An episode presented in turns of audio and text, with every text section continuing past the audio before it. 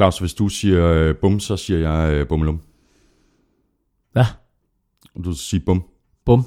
og så siger jeg bummelum. Hvis du siger bum, så siger jeg bummelum. Bum. Bummelum. Bum, bummelum. Bum. det giver jo ingen mening. Hvad er der med dig? Alt giver mening, Claus.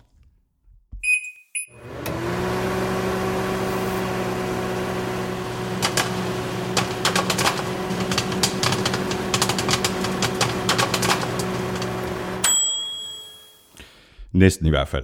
Du lytter til øh, NFL Show, der er produceret af Kvartrup Media og optaget live on tape i samarbejde med Tafel og Odset fra Danske Spil. Og så er det bare med at komme ud over stepperne. Vi har nemlig en plan om at holde os under to timer i dag. Øh, det påvirker ikke indholdet. Det er nøjagtigt, som det plejer at være, hvilket betyder, at du kan se frem til masser af fodboldsnak, konkurrencer fra tafel, spiltip til oddset, dick, quiz og fantasy tips fra Korsmed.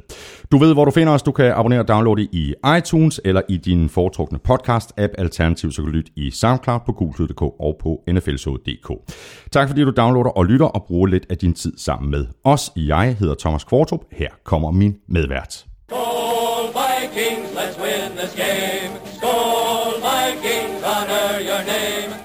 Claus Elming, velkommen til. Godt at se dig igen, og du var simpelthen så lettet, da du hørte, at det var den rigtige sang, der kom på. Det var, jeg, så du det smil, der Yes, på I mit did. ansigt? Jeg tænkte, hvad kommer han nu med? Og så var du så sød og venlig at spille Vikings Fight Song. Ja, altid sød og venlig.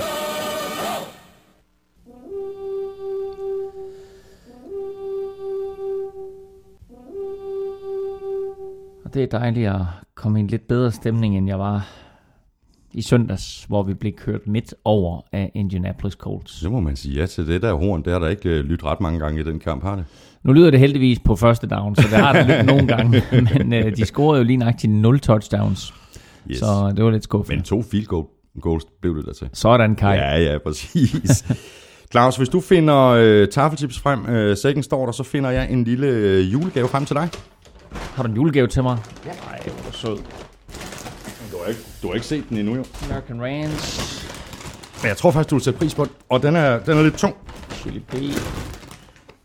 Det kommer her. Ej, hvor, hvor er det lækkert, det der. Der er, nu er der både chips og øl. Hold da kæft, hvor mange er der? Der er, der er 12, 12, 12 øl. stykker sådan... Øh, øh, ja, sådan lidt øh, special øl indimellem fra, fra, fra Tisted Bryghus. Jeg skulle lige sige, at de var artister, for det er alle sammen ty, ty pilsen og ty Ja, men der står også, øh, der står også Tisted Bryghus på, Ja, på kassen. Porsche guld. Ja. Er det, er det bare en gave, eller er der et formål med den? Der, øh, nej, nej, det er bare en gave. Det er, det er selve formålet. Og så øh, glædelig jul. Sådan der. Prøv at høre her. Limfjords Porter. Hvis der er noget, jeg glæder mig til, så er det sgu Limfjords Porter.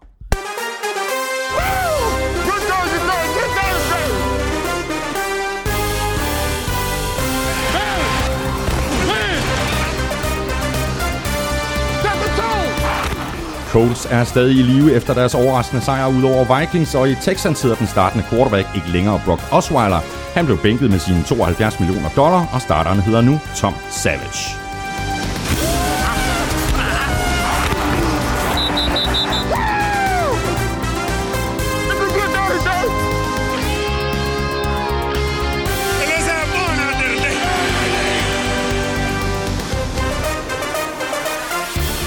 Med to spillerunder tilbage har kun fire hold sikret sig en plads i slutspillet. I AFC er det Patriots og Raiders, og i NFC er det Cowboys og Seahawks.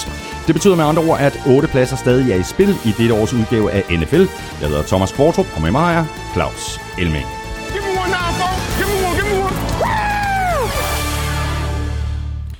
Du kan eventuelt øh, tage nogle af de der bajser med, og så dele dem med din øh, lillebror til jul. Det vil jeg gøre. Jeg er sikker på, at han bliver glad for det. Ja, det er Ja, også. jeg skal derover og holde jul jo. Det skal du. sammen Du med kører i morgen, familie. Du kører i morgen. Kør torsdag. Yes.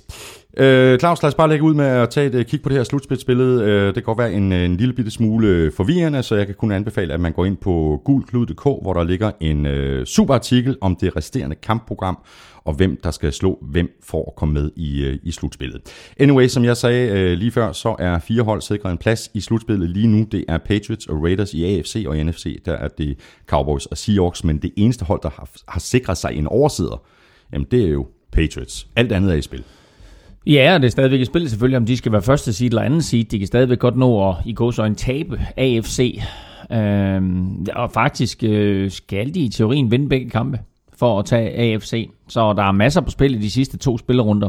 Og som du siger, så har vi lavet, vi har lavet faktisk lavet to forskellige artikler inde på Google Klud, så man får det totale overblik. Vi har lavet en artikel, der ligesom hedder, sådan ser slutspillet ud lige nu, hvor man kan se de 12 hold, der principielt vil være i slutspillet, hvis sæsonen er sluttet nu, plus de hold, der ligger udenfor. Og så har vi lavet en liste over alle, alle de hold, som ligesom gør sig til i øjeblikket, omkring hvad der skal til i de sidste to spilleuger, for at øh, de kan komme i slutspillet. Og der er der nogen, som, øh, som selv kan afgøre det, der er nogen, der selvfølgelig skal have hjælp. Mm.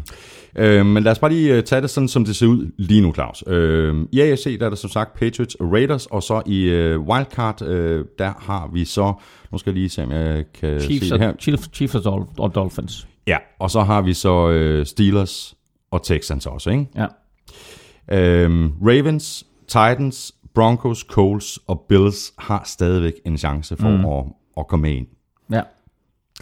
Øh, og det interessante, det er jo, at, at nu siger du, at Ravens ligger udenfor, øh, og det gør de også, men de spiller jo mod Steelers øh, på øh, søndag er det. Mm. Øh, der er jo et hav, der er en kamp torsdag aften, så er der et havkampe lørdag. Det, er bare, det er bare med at få pakket de gaver ud. Yes, og så er der en del kampe søndag, mm. øh, og vist også en enkelt mandag. Øhm, så øh, rigeligt med fodbold her hen over julen, øh, så sørg nu for at nyde familien også. Øh, selvom jeg har jo nok tænkt mig at sætte mig ned og se Minnesota Vikings spille mod Green Bay Packers kl. 19, og drikke, og drikke min øh, tisted øl selv, øh, mens resten af familien danser om juletræet. Øh, men der er mange interessante kampe. Og den der Ravens mod Steelers er super interessant, fordi øh, den reelt set afgør AFC North. Mm. Hvis Ravens vinder, så fører de pludselig AFC North, men med det samme antal sejre som Steelers, og så skal det hele afgøres i 17. spillerunde, hvor de så spiller mod hver sin øh, AFC North-modstander. Øh, så den der kamp på søndag er super, super vigtig for Ravens. Og det har man sådan ligesom kunne, kunne se sådan med, med, med den lange kikkert længe, at den kamp, den godt kunne gå hen og, og, og blive temmelig afgørende for Steelers og Ravens. Ja, øh, ja, fordi der her for en 4-5 uger siden, da de ligesom lagde sig side om side, og de bare blev ved med at ligge der, så var man godt klar over, okay, så skal vi altså hen til spille uge 16, før den her division den bliver afgjort. Præcis.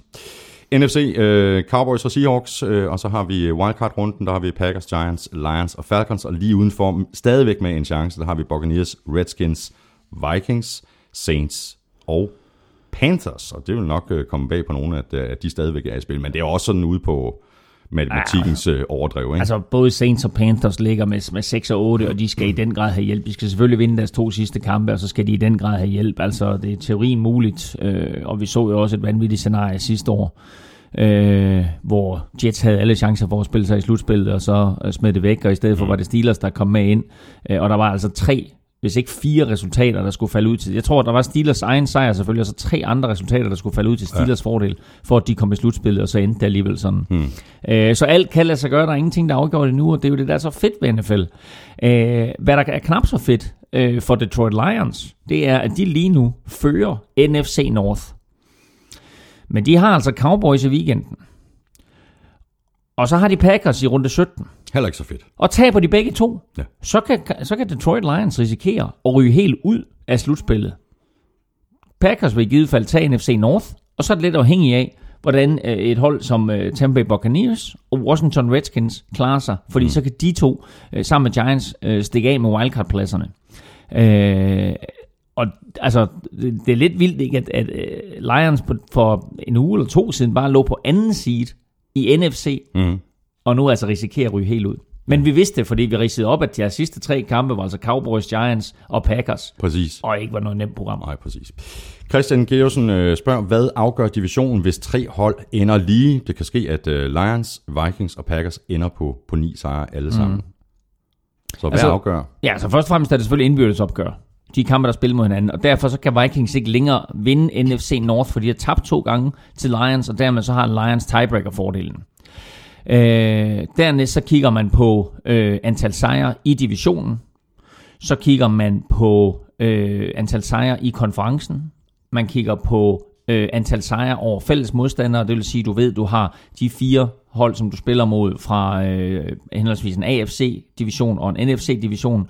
Øh, og til sidst så kigger man på det, der hedder strength of schedule, mm. det vil sige de sejre, du har haft, øh, de modstandere, som du har slået, hvor mange kampe har de vundet. Og der drejer det sig selvfølgelig om at have slået de stærkeste modstandere. Ja, præcis. Og det er simpelthen tiebreaker-reglerne, som man tager i en bestemt rækkefølge. Præcis.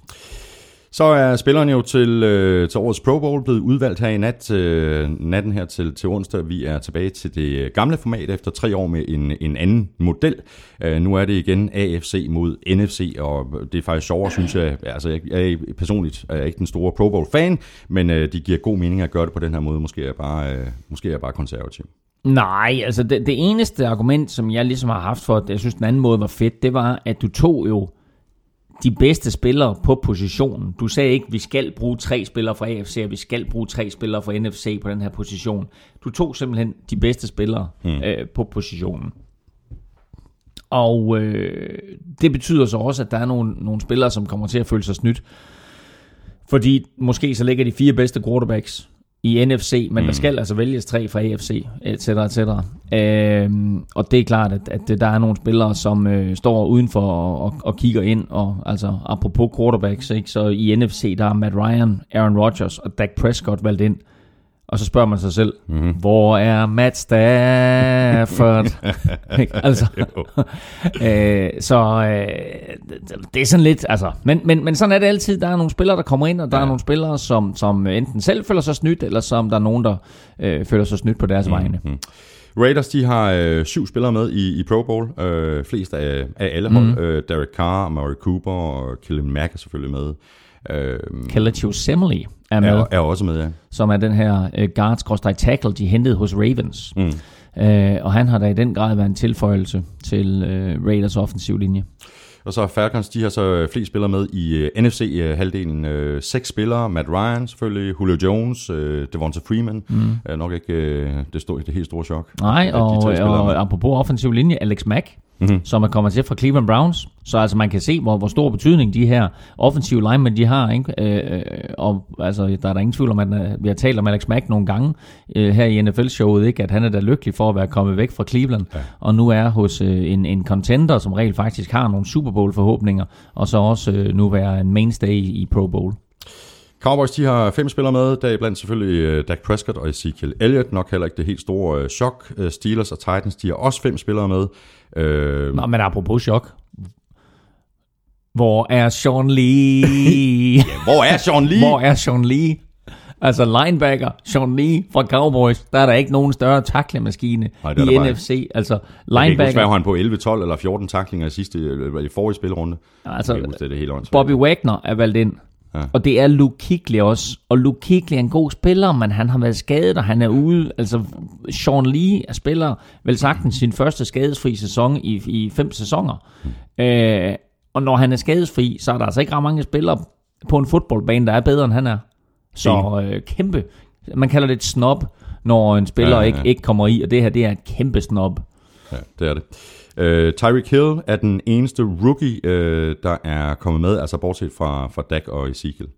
Og han har da også, uh, han har da også imponeret, ikke, ikke mindst på, på, på returns. Er der, er der ikke andre rookies? Det er alligevel okay. Ja, det er der selvfølgelig ikke. Ikke sådan, som jeg lige nej, har nej, kunne, ja, kunne læse du har, jamen, nej, men du har helt ret. Du har helt ret. Det er de to uh, Cowboys-stjerner der, og så Tyreek Hill. Ja, selvfølgelig har han imponeret.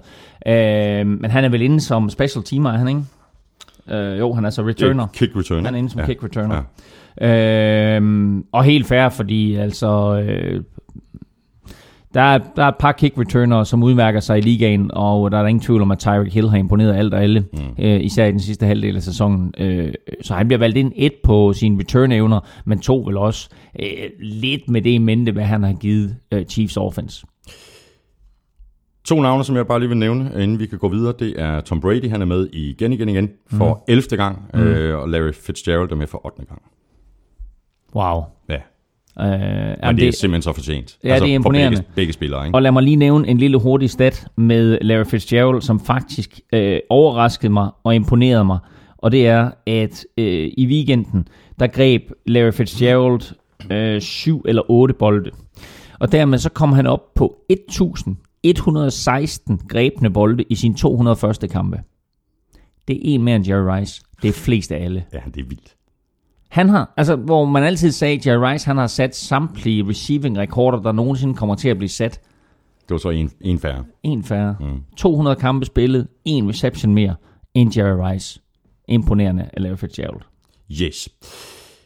Lad os så se frem mod, øh, mod øh, næste spillerunde. Det kan vi passende gøre med at konstatere, at øh, den bliver uden Gus Bradley. Han er blevet fyret som head coach for Jaguars. Øh, og det kommer i hvert fald ikke som det helt store chok efter den her meget skuffende sæson for Jacksonville. Vi har talt om det i, øh, ja, i hvert fald mm. måned, at, at, at, at han sad på, på the hot seat. Ja, og det altså... Øh, på et eller andet tidspunkt skulle det jo ske. Jeg ved ikke, om, om jeg synes, at det, at det er lidt ærgerligt øh, for ham og for Jaguars, at de ikke holder fast, fordi med den draft, de havde i år, og den talentmasse, de har samlet sig på forsvaret, øh, og man kan se, at der er nogle tendenser, og der, der er noget potentiale.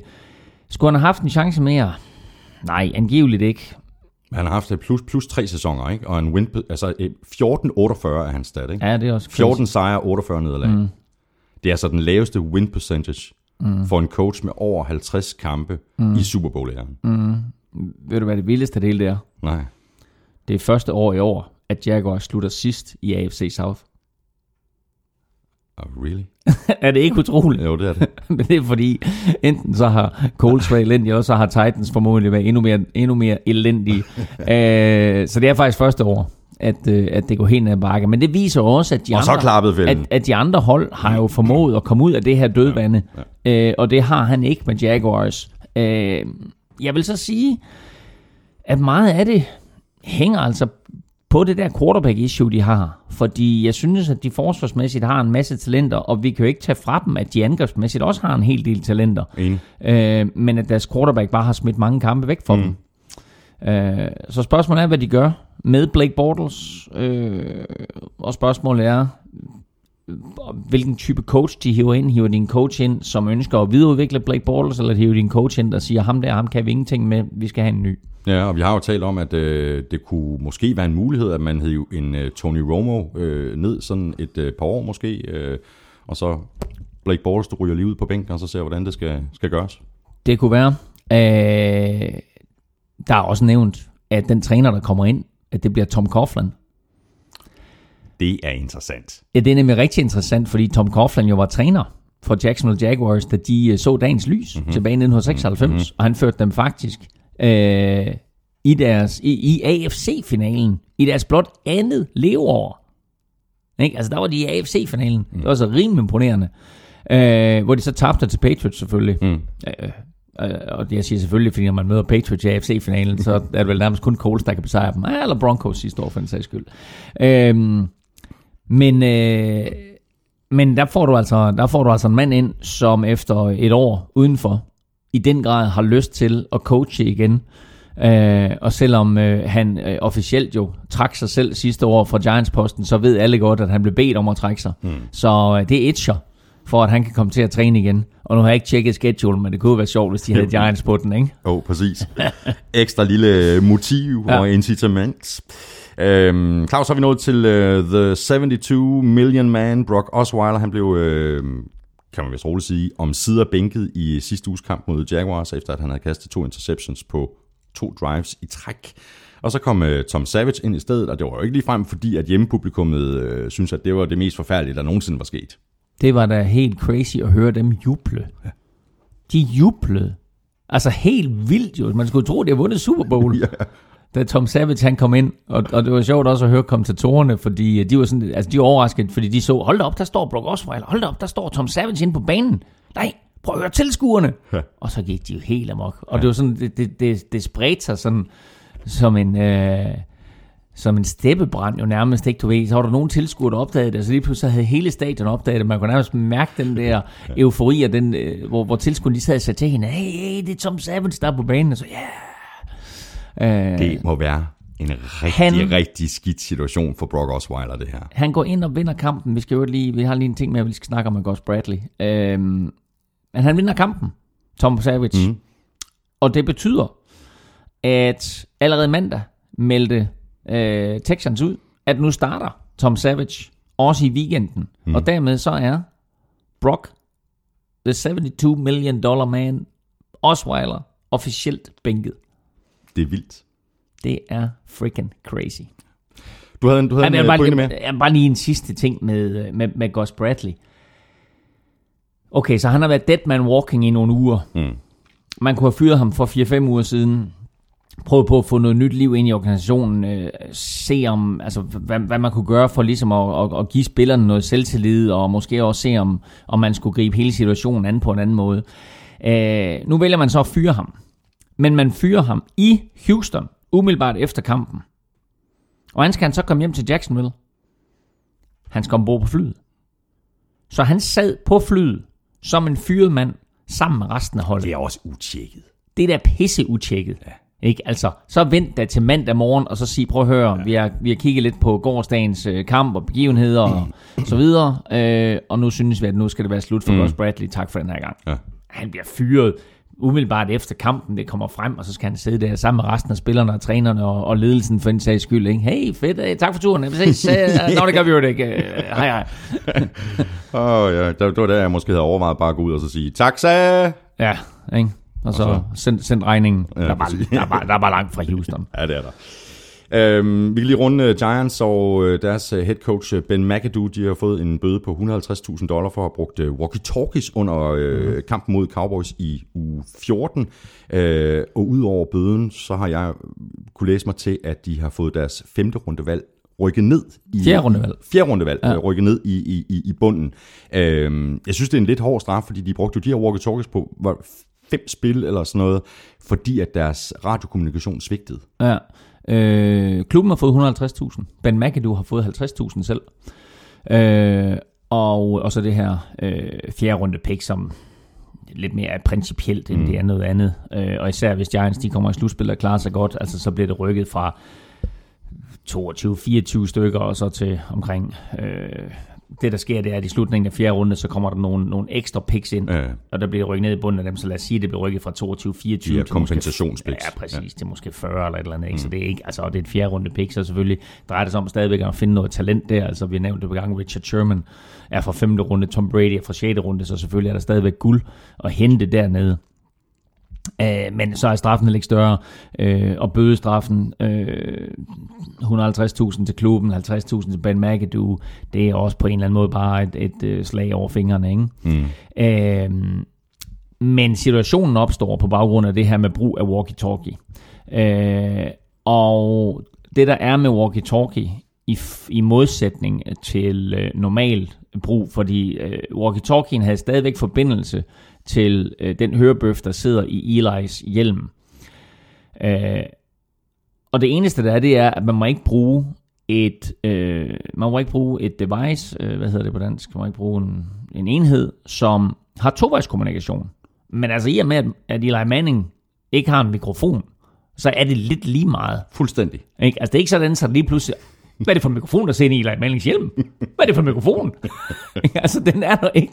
Det er bare sådan lidt, altså, okay. Men reglerne, reglerne er spot klar, du må ikke bruge noget, øh, en enhed, der har tovejskommunikation, og det har en walkie-talkie selvfølgelig. Så øh, de fik bøden og et rap over nallerne, og det var det. Jeg åbner lige noget cola her. Er det Sådan hyggeligt? der. Er det ikke hyggeligt? Jo. Daniel Tolander Så, spørger... så åbner øh, jeg sgu en chili banase. Det er også hyggeligt. Daniel Tolander spørger, øh, den offensive koordinator Scott Linehan rygtes som mulig head coach for en øh, del hold. Hvor tidligt må de egentlig begynde at signe aktive trænere til, til andre hold? Spørgsmålet er, hvor, hvornår de må begynde at tale med dem overhovedet. De må ikke tale med dem, før holdet er slået ud. Og det vil sige, når holdet er færdigt øh, efter sæsonen, så må de tage kontakt til dem, og hvis de går i slutspillet, så må de ikke tage kontakt til dem, før, øh, før holdet ligesom er slået ud af slutspillet. Men øh, vi ser jo nogle gange, at, at dagen efter, at holdet bliver slået ud af slutspillet, så bliver der skrevet kontrakt. Ja. Og så tænker man, det er da godt nok nogle hurtige telefonsamtaler, de har haft så der. rigtig stærkt.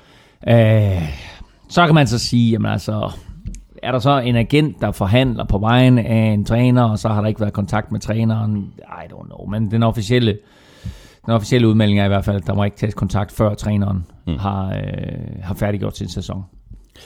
Peter Cornelius skriver, som relativt ny i sporten, vil jeg gerne høre jeres kommentar om forsvar generelt. Har de gode forsvarshold, Ravens, Broncos og Seahawks etc. samme opbygning? Og hvad er tendensen for 3-4 kontra 4-3? Og hvem mm. bruger hvad?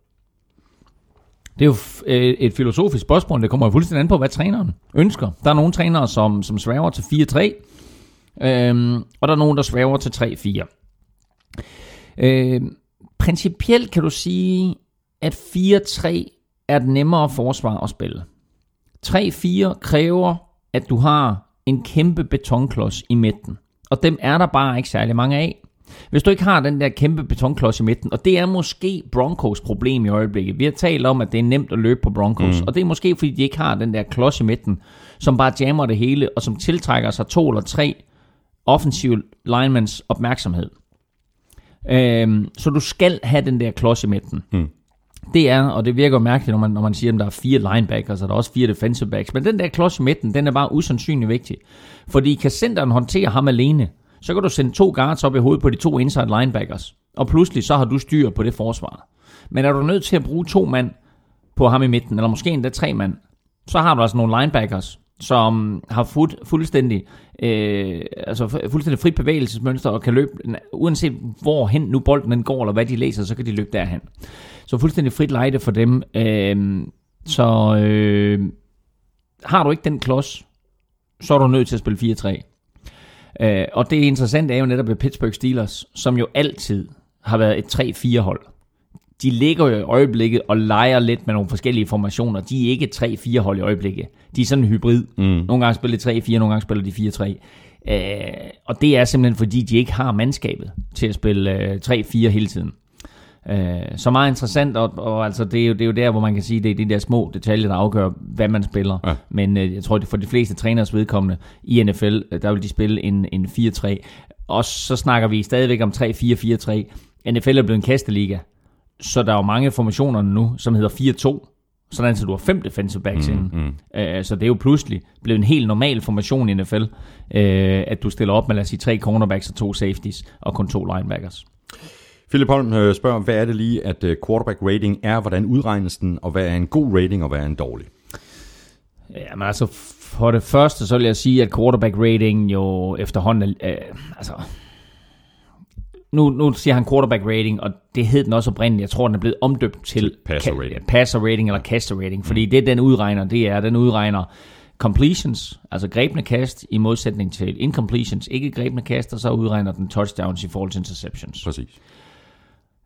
Øh, den siger ikke Og noget... yards vel også, ikke? Og yards er selvfølgelig også enormt. Ja. ja, yards, yards per kast og så videre. Det er rigtigt. øhm, den siger ingenting om sacks. Den siger ingenting om, hvor god du er til at løbe selv. Den siger ingenting om, øh, hvad du får ud af det, øh, når du scrambler. Øh, den siger ingenting om, hvor mange kampe du har vundet. Så på den måde, Mm. Der er den lidt ubrugelig. Den siger noget om, hvor god du er til at kaste. Ja, og den når, går- når du kaster, og når du kaster for lommen. Ja, og den går fra 0,0 til 158,3. Og man plejer vel at sige, at hvis du har en quarterback rating på, på omkring 100 eller derover, jamen, så er det en rigtig god øh, passer rating. Og jeg tror, snittet i NFL ligger på omkring 80 eller sådan noget. Ja, jeg vil også sige, sådan, altså hvis du kan komme, jeg vil, jeg, vil, jeg vil egentlig have sagt, hvis du kan komme op på 90, altså så, så, taler, så taler vi gode quarterbacks, øh, og over 100, så har du haft nogle virkelig, virkelig gode kampe. Det interessante, det er, at der er nogle quarterbacks, som ligger ned og raller på, i nogle, ikke alle kampe, men nogle kampe, sådan 17, 20, 25 stykker. Øh, og hvis du kaster 100 bolde, og alle 100 er incomplete, så får du altså 30 i rating. Mm. Øh, det er den måde, det regner ud på. Så hvis du ligger der, dernede på 15-20 stykker, ikke, så ved du, så har du ikke klaret dig særlig godt. Not exactly. Så ryger vi lige i uh, Elmings øh, uh, regelhjørne. Uh, Christian Bauk uh, skriver, efter at have set kampen mellem Steelers og Giants, der har jeg undret mig over præcis, hvornår en spiller laver holding. Så mit spørgsmål til NFL, øh, NFLmings uh, regelhjørne er, hvad uh, er de helt konkrete regler for en holding, og hvad er normalt for dommerne at kalde, skråstreg, ikke kalde? Jo, men altså, det, jeg synes jo, at det der egentlig ligger i det spørgsmål, for jeg kan godt svare på, hvad holding er, men det jeg synes, det er, at der er så mange holdings i alle kampe. Øh, og selvfølgelig skal man det på en, en eller anden måde til livs, men altså, dommerne hiver også det flag op af lommen hele tiden. Øh, og selvfølgelig er det pisse irriterende for en forsvarsspiller at blive holdt, og for holdets fans at sidde og se på, åh, han kunne være nået ind til quarterbacken, hvis der ikke var blevet holdt. Øh, men der er nogle af de der holdingstraffe, både derinde på linjen, men også nede ad banen, som jeg synes er helt fuldstændig unødvendigt at kalde. Øh, og det er så igen jo, altså det er også fordi, der er blevet for mange flag. Har der nu ikke været det, så har vi måske ikke haft den diskussion. Øh, Men så skal, vi, så, så skal de jo til at kigge på reglerne, fordi altså de, ifølge reglerne, så skal de jo kaste flag. Ja, det skal de. Det skal de. Øh, men altså, øh, man siger jo også, at der er holding på linjen på samtlige spil. Mm. Ikke? Og så kan du kaste flag på samtlige spil. Øh, så de holding, der bliver kaldt, det er dem, øh, som dommerne øh, opdager, eller hvor de synes, at, at nu, nu går den ikke længere, nu skal jeg kaste flag. Principielt så er der holding på alle mm. spil. Øh, og holding er jo, altså, øh, så er det en offensiv lineman, tager fat i en defensiv lineman. Han må ikke overhovedet tage fat i en defensiv lineman. Han skal blokere øh, med flad hånd eller med lukkede hænder. Så må aldrig nogensinde have fat, hverken i en kropsdel eller i trøjen. Øh, en forsvarsspiller på den defensive linje kan faktisk også godt blive dømt for holding, hvis en offensiv lineman for eksempel forsøger at løbe ud for at lave en blok, og den defensive øh, linjemand holder ham, øh, så han ikke kan komme ud og lave den blokering, øh, så er det også holding.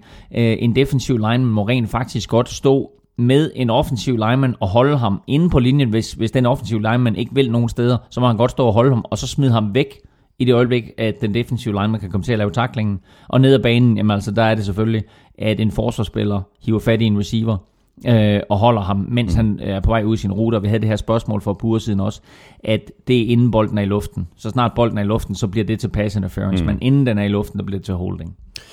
Anders Vigelsø øh, skriver i kamp mellem Coles og Vikings. Sorry for at bringe det op, og jeg går ud fra, at det er dig, øh, Elming, øh, ja. øh, at Anders han siger øh, beklager til, og jeg siger bare, at det gør ikke noget, Anders. Øh, der laver øh, Coles øh, cornerback Butler i begyndelsen af tredje kvartal et øh, stort hit på Vikings wide receiver Thielen, der bliver kaldt unnecessary roughness hit on a defenseless receiver. Kan du ikke forklare, hvad en defenseless receiver er?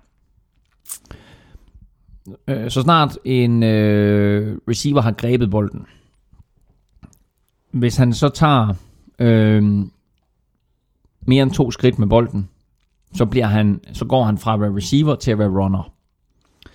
Og når han er runner, så gælder de samme regler, så må du sådan set ramme ham, øh, ligesom du vil, og du må også ramme ham øh, over halsregionen, altså i hovedet og nakken for den sags skyld. Har han ikke taget sine to skridt, så må du ikke ramme ham i øh, hoved, hals og nakkeregionen. Øh, så det er det ene, og det tror jeg, det er den, de dømmer ham for, selvom jeg egentlig synes, at hættet, det går så stærkt i NFL, og hættet, jeg synes, det sad lige i brystkassen. Øhm, så jeg, jeg var heller ikke enig i den straf. Lad det ligge. Øhm, og den anden ting, det er, at du må ikke ramme med toppen af hjelmen. Så hvis du løber ind, og du rammer med toppen af hjelmen, så er det, øh, så er det også imod en, en defenseless øh, receiver, eller en defenseless player i det hele taget. Det kan også være en quarterback for en sags skyld. Øh, så principielt så er det det. Øh, man skal give receiveren mulighed for at kontrollere øh, bolden, tage sine to skridt, inden du må mm. ramme ham i hovedregionen. Øh, inden da, der må du ramme ham bryst, ben, ryg, alt, mm. bare ikke i hovedet. Nick Lautrup øh, spørger, hvad er det for en lilla sort klud, jeg synes at have set blive kastet, når bolden er snappet? Uh, jeg tror ikke, den er lilla eller sort, jeg tror, den er blå.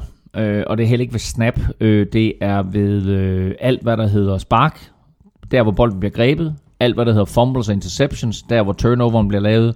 Det er den markering, hvor dommerne siger, okay, her øh, var bolden på det tidspunkt, hvor den skiftede hænder. Og det hedder en, øh, det hedder en beanbag, og alle dommerne har den. øh, så de har en gul klud, og så har de den her blå beanbag, som de kaster. Og øh, skal der udmåles straf, så bliver den udmålt derfra, hvor beanbaggen ligger. Overvejede du dengang, hvor du, øh, hvor du lavede gulklud.dk og kaldte det beanbag.dk? Øh, hvad, hvad skulle den, den skulle hedde? Blå et, blå et eller andet. blå beanbag.dk. altså alligevel bedre med gulklud.dk. To spørgsmål øh, mere, øh, før vi øh, sådan øh, for alvor går i gang. Eller vi er, vi er fuld gang. Men øh, der er i hvert fald et, et øh, spørgsmål her øh, fra, fra David Schostein. Øh, når en spiller ligger skadet, og der er injury timeout, tæller det så som en af de tre timeouts? Øh, ja, hvis du har timeouts tilbage. Øh, I det øjeblik, altså... Må du så stille, lige, prøv, prøv, stille spørgsmål igen. Jeg skal ja. sige han inden for de sidste to minutter, eller hvad sagde Nej, nej, nej. Når en spiller ligger skadet, og der er okay. injury timeout, ja. tæller det så som en af de tre timeouts? Nej, ikke i normalt spil. Men inden for de sidste to minutter i første halvleg, inden for de sidste to minutter i anden halvleg, der gør det. Øh, og det vil sige, har du timeouts, så bliver der taget en timeout fra dig. Mm. Øh, har du ingen timeouts? Der ja. har vi et spørgsmål mere fra Thomas okay, Nielsen. Ja. Hvis man er løbet tør for timeouts, kan man så fake en skade og få en injury timeout? Øh, hvis jeg husker reglerne rigtigt her, øh, så øh, på den første skade, altså du løber tør for timeouts, så kommer der en skade inden for de sidste to minutter, så får du faktisk en gratis fjerde timeout. Derefter, der bliver der taget 10 sekunder af klokken for, øh, for hver skade. Så det vil sige, at du kan ikke fake en skade, så bliver der taget 10 sekunder af klokken. Og der var altså en overgang også, hvor du fik 5 yards straf. Det ved jeg, for det tror jeg faktisk, de har taget ud. Øh, men der, bliver, der er i hvert fald den her 10 second run-off. Og så skal vi have den øh, sidste omgang af Fantasy for i øh, år. I sidste uge, der måtte øh, Peter Gårdsmed jo øh, afbryde sin analyse på grund af fruens fødsel. Tillykke med, øh, med datteren i øvrigt til jer begge to. Men øh, Peter, øh, kan jeg regne med, at du gør dit øh, arbejde færdigt i den her uge, eller hvad? Ja tak Thomas. Øh, Jeg beklager, at jeg øh, på den måde måtte øh, forlade den i forvejen synkende skud i sidste uge, men min bedre halvdel havde ganske enkelt brug for mig. På samme måde som øh, de danske fantasy-spillere i øvrigt har haft brug for mig hele sæsonen.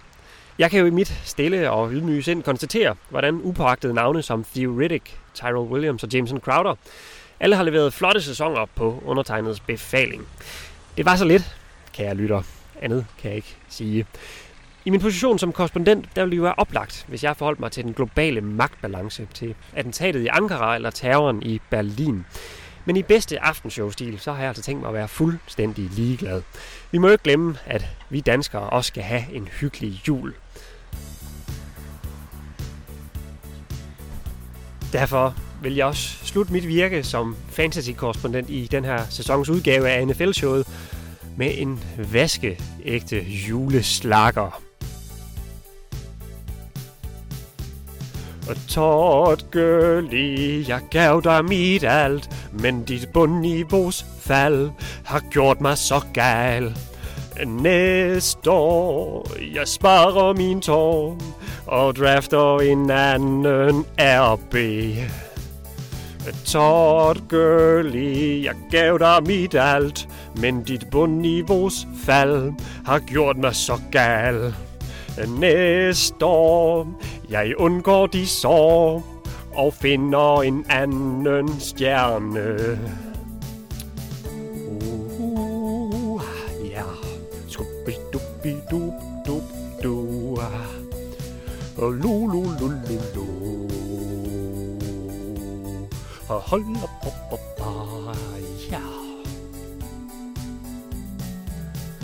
Et slutspil og kun en på okal. Jeg er på afstand, kan kun drømme om metal. Fortæl mig, baby, er jeg en dårlig træner? Jeg starter Rob Kelly, det går som jeg fortjener. Farvel, slutspil. Jeg forsvandt før det begyndte. Er vel bare en taber. Næste år kan kun bekymre. Nu ved jeg, hvad jeg er for et fjols Men dit topniveau Det ligger begravet i mols. Tort Gurley, jeg gav dig mit alt Men dit bundniveaus fald Har gjort mig så gal. Næste år jeg sparer min tår og drafter en anden RB. Todd Gurley, jeg gav dig mit alt, men dit bundniveaus fald har gjort mig så gal. Alle sammen næste år, jeg undgår de sår og finder en anden stjerne.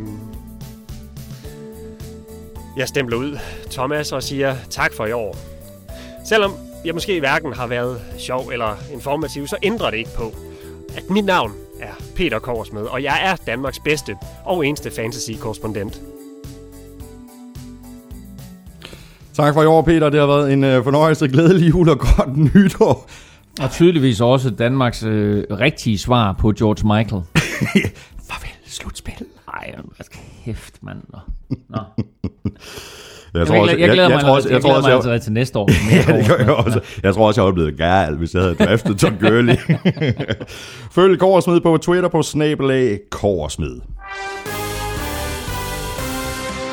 Vi skal have quizzen. Åh, Det er tid til quiz, quiz, quiz, quiz, quiz.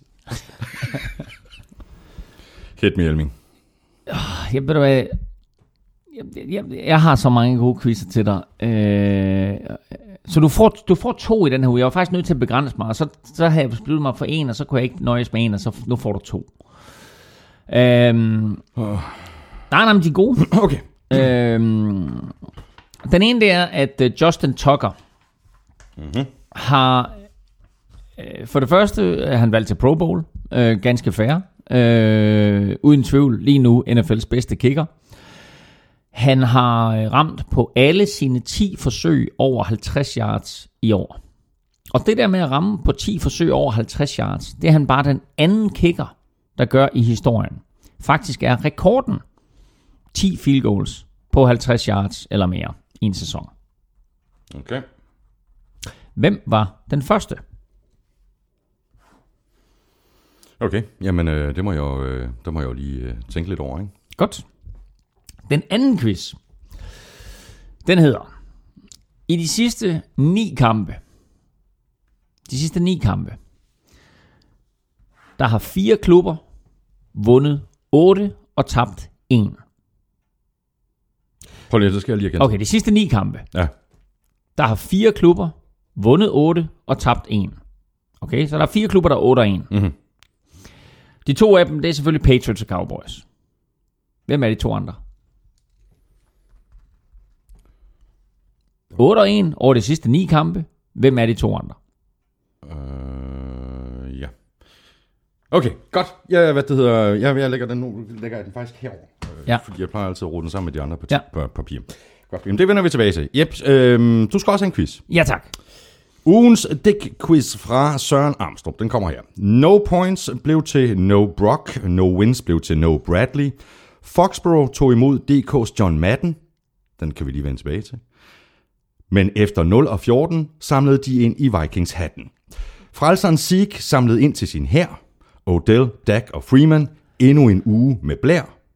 Prescott nu all-time nummer 2, da han completed 88,9%, men hvis navn står øverst, mejslet i cement. Altså, hvem har mm. i en kamp med flere end 30 kast en højere completion percentage end Dak? Det ved jeg, for jeg så kampen. Gjorde du det? Godt nok, altså ikke op på stadion, men jeg så kampen på tv, jeg kan faktisk huske det. Og det sjove det er, at den spiller, der gjorde det, han stod i Super Bowl lidt senere det år, og det var sidste gang, at Raiders var i Super Bowl. Og svaret er, lad os bare få det nu, når du Rich Gannon. Præcis. 11. november 2002 mod Broncos. Øhm, 34-38 for 352 yards og en completion percentage på 89,5. Og jeg tror, han lagde ud med, altså det var noget med, at han, han lagde ud med at ramme på de første 16 eller 18 kast eller sådan noget. Og for hver gang, 34 af 38, det er jo også helt Jamen, crazy. det er helt crazy. Ja. Uh, jeg kan huske, hver gang han, hver, hver gang han trak tilbage og kastede. Og det, det år der, der var Raiders angreb jo simpelthen så vildt. Og det er også derfor, at, at man havde det Raiders angreb i Super Bowlen øh, imod Buccaneers forsvar. Men der var nogle ting ved det Raiders, øh, ved deres offensiv linje apropos, som jeg ikke var sådan helt øh, imponeret af. Og derfor så regnede jeg med, at, at Box ville vinde, og det gjorde de så også. Det er fantastisk. Så jeg altså, du har, du har allerede taget din quiz, og jeg mangler to. Det er, det er bare fantastisk. Og skal jeg lige huske at sige, at øh, du kan følge øh, Digt Visker Amstrup på Twitter på snablag Doc Amstrup. Det er DUC og så Amstrup. Nu øh, går vi i gang med kampene fra øh, uge 15. Vi lægger ud med øh, Seahawks sejr hjemme over Rams på øh, 24-3. En sejr, der betyder, at øh, Seahawks de vinder NFC Vest for tredje gang på fire år. Og efter sådan lidt øh, en rode, der tjuskede første halvleg, så var der ikke øh, meget tvivl om, hvilket hold der var bedst. Øh, også selvom øh, Seahawks angreb ikke øh, klikkede helt øh, på, på de samme øh, højder, som, som det gjort øh, tidligere på, på sæsonen. Men der var ikke nogen tvivl om, hvem der skulle vinde den kamp. Øh, var der ikke det? Ah, det synes jeg ikke. Altså til sidst, når du ser på, at, at, at scoren hedder 24-3, så var der ikke, men øh, Jared Goff missede nogle... øh, Et, et, han missede et touchdown for det første ved stillingen 0-0. Øh, han fik heller ikke hjælp af sin receiver, som også missede et catch eller to, mens det stadigvæk var tæt. Så ender de med at blive kørt over 24-3, men Seahawks var ikke imponerende. Det var de ikke. Nærmest øh... det eneste, eneste opløftende moment, i hvert fald på angrebet, det var vel Tyler Lockett. Øh, ja, jo, det var, og, så, og så må man sige, øh, altså Russell Wilson nogle gange, når han, når han laver de her scrambles, og han får lidt tid, altså så er han jo en super dygtig quarterback. Mm, mm. Øh, men han har også en udfordring med, at han ikke rigtig får tid dernede bag en, øh, en ret horribel offensiv linje. Men øh, de vinder NFC West, som i år er svag. Der er Fort Niners, der har vundet en enkelt kamp, og der er Rams, som efter en 3-1 start jo faldet fuldstændig fra hinanden. Øh, Cardinals, der har været skuffende på baggrund af skidspil af Carson Palmer. Øh, Seahawks, det eneste dygtige hold derude i øjeblikket, mm, og har selvfølgelig slået Patriots på udebane, og har nogle andre resultater, hister her, hvor man siger, okay, men de har det stadigvæk. Men Seahawks får det svært. Mm. Øhm, og De nu, ser ikke lige så stærke ud nu, som de gjorde for en måned siden. Nej, det gør de ikke. Øh, og altså det her med Earl Thomas, vi har bragt det op et par gange, og jeg er nødt til at bringe det op igen. Han, øh, han mangler der som, øh, som sweeperen nede bagved. Og det kan altså blive problematisk, problematisk mm. for dem.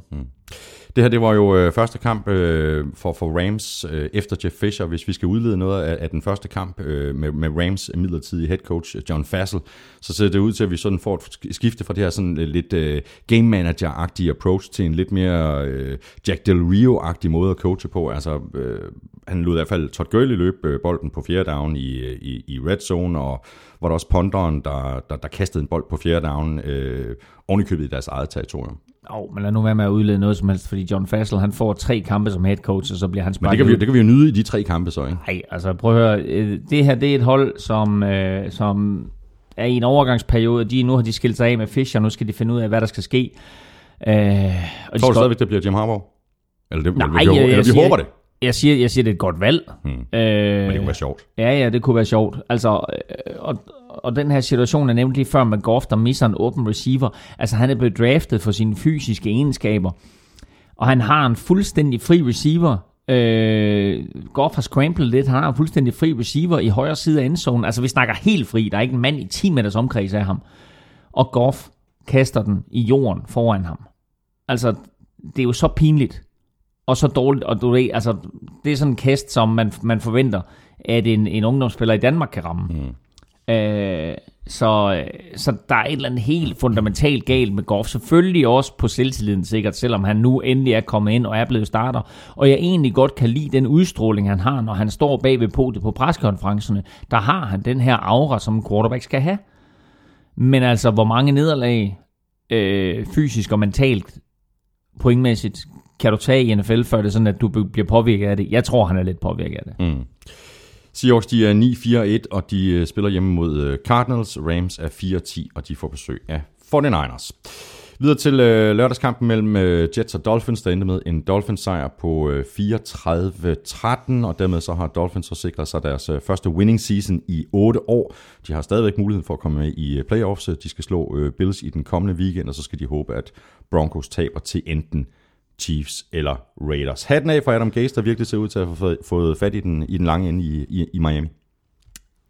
Ja, det må man sige. Og øh, fuldstændig lige meget, om det er Ryan Tannehill eller Matt Moore, der spiller quarterback. Matt Moore havde et enkelt uheldigt kast, øh, og ellers så spillede han jo simpelthen en drømmekamp for en quarterback. Kastede fire touchdowns, og øh, efter at, at Jets førte 7-0 efter første quarter, så stod der jo Matt Moore øh, og en dommer Kansu, Cameron Wake for en sags skyld, på resten af den der kamp. Mm. Altså en dommer Kansu, der var nogle gange, hvor jeg var lidt i tvivl, om det var ham, der var Jets running back, fordi han løb mere rundt ned i backfielden, end Jets running backs gjorde. Mm. Øhm, så Bryce Petty, han må under konstant pres, og så endte Bryce Petty også med at ryge i den absolut største sandwich, vi har set hele året. Ja. Kan du huske, vi havde for nogle uger siden, der havde vi et spørgsmål, øh, eller vi havde faktisk en, jo, vi havde et spørgsmål omkring øh, det her med, hvem, hvem straffen bliver kaldt på på den offensive linje, og nogle gange, så ved man ikke helt om det, fordi centeren ikke har snappet den på det rigtige snap count. Her der snapper han den helt sikkert for tidligt. Fordi den eneste, der rører sig, det er centeren. Og så får Bryce Petty jo pludselig bolden i hånden, og så er han nødt til at røre sig. Mm-hmm. De andre fire offensive linemen og receivers, så de står alle sammen stille, fordi snap count er helt sikkert er på to eller tre, men centeren har snappet den på et. Og øh, der står altså øh, en dommer Kansu på den ene side, og Cameron Wake på den anden side, og de står kun og kigger ind på bolden. I det øjeblik, den bold, den bare så lidt som, som bevæger sig en millimeter, så eksploderer de. Ja, og de kom ind fuldstændig unblocked. Og så Jo. blev... Og, og det er jo derfor, fordi der er ingen, der blokerer dem, der er ingen, der reagerer, Nej, der er nej, ingen, der nej, er klar til det her. Og Bryce Petty, han træder tilbage, øh, og man kan ikke fløjte den af, fordi spillet er sat i gang. Ja. Øh, så det er ikke sådan noget med unadvated to the quarterback. Det her, det er bare øh, pænt ærgerligt. Og Bryce Petty, Han blev savet over rim, rimelig modigt, ikke? så står han derinde, og så kommer øh, 140 kilo en dommer Kansu fra den ene side, og Cameron Wake med, med fuld speed på fra den anden side, og fuldstændig lægger ham i en sandwich. Ja. Øh, og som jeg har hørt det, så går de stadigvæk på MetLife Stadium og leder efter hans brystkasse. Den er, den er væk. Den, de har ikke fundet den. ja, det der, det var voldsomt. Ja, det var det altså. Øhm, og det var bare symbolet på en kamp, hvor, hvor Jets endnu en gang øh, faldt fuldstændig sammen. Mm. Øh, så Ja, det er ikke ligefrem en kamp, der, der, der sådan fjerner presset på, på Bowles. Jeg synes, Bowles er i gigantiske problemer. Han er også. Spørgsmålet er, hvad, hvad Woody Johnson, han synes, øh, ejer den op, men øh, nogen vil se. Jeps. Dolphins, de er 9 og 5, og de spiller ude mod øh, Bills. Jets er 4 og 10, og de skal til øh, New England og spille mod Patriots.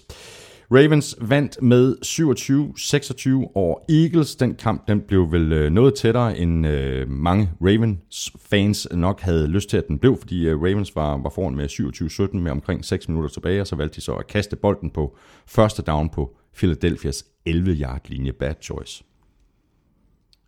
Øh, skal der bare løbe bolden der. De er foran.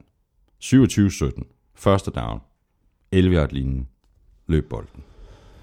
Ja, yeah. Og worst case scenario, løb den tre gange spark i field goal, så er du foran med, med 30-17. Og så er der gået to minutter, så er der fire minutter tilbage. ja. Og, det, og det var ved at koste dem til sidst. Jo. Jamen præcis. Ja, ja. Flacco kaster en interception, og så Ja. var der lige pludselig spænding om det, ikke? Øh, jo, fordi, øh, altså, Ravens havde sådan set styret hele kampen. Til dels. Fordi Eagles øh, med Carson Wentz og et, øh, og et fokus på løbeangrebet rent faktisk havde succes Mm. imod Ravens. Øh, og da han så kaster den her interception, så kommer Eagles jo tilbage, og Carson Wentz fører et fint angreb afsted. Så bliver det 27, så de scorer touchdown jo, Eagles, efter det her. Mm. Det bliver 27-26. Og så står de der, uh, Eagles, deres sæson er overstået. Hvad gør vi? Skal vi sparke et ekstra point, gøre det til 27-27 og gå i overtime? Eller skal vi gå efter to point og vinde kampen? Ja, de gjorde så det sidste.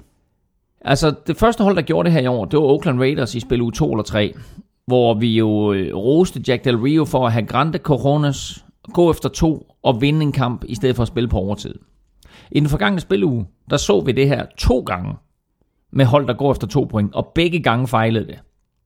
Den ene, det var Titans, vender vi tilbage til. Mm. Den anden, det var Eagles. De kan altså vinde den her kamp med en two-point conversion. Hvis de gør det, så er Ravens sæson overstået. Hvis de, hvis de får den der ind, så er Ravens sæson overstået. Fordi mm. så den kamp, vi talte om i starten, mellem Ravens og Pittsburgh på, på søndag, den er jo fuldstændig lige meget pludselig. Fuldstændig. Fuldstændig.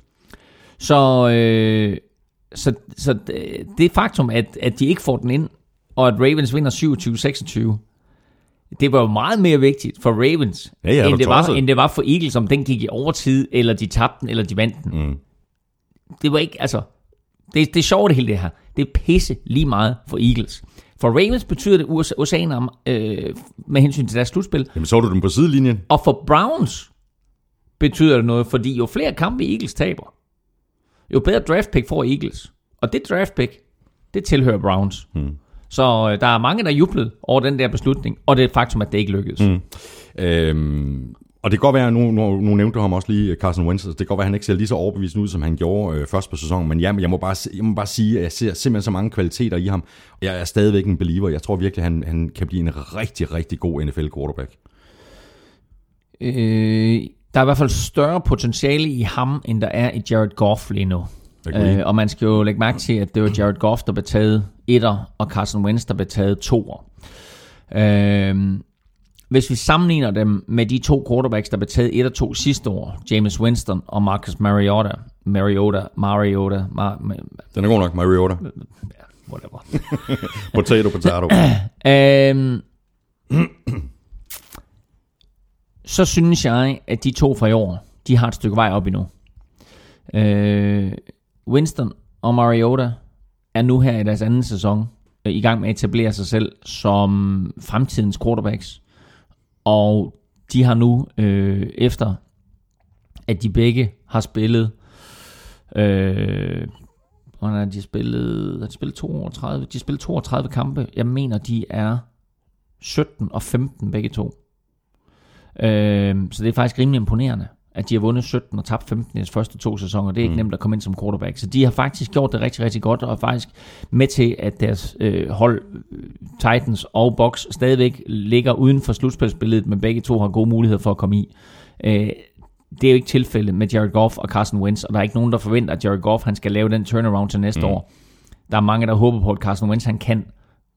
Der er stadigvæk 8-9 måneder til sæsonen går i gang igen. Mm. Så, så nu vil vi se. Men han har da potentiale uden tvivl om det. Uden tvivl om det. Og Ravens, de er 8 og 6, og de spiller, vi har allerede nævnt det, et brag af en kamp ude mod øh, Steelers. Eagles, de er 5 og 9, og de spiller hjemme mod uh, Giants i morgen, Thursday night. Bills, de vandt som uh, forventet over Browns, og det gjorde de med uh, 33-13, og de gjorde det ved at uh, blokere noget så nydeligt for LeSean McCoy, der så pløjede igennem det her Browns forsvar for 153 yards på 19 løb og to touchdowns.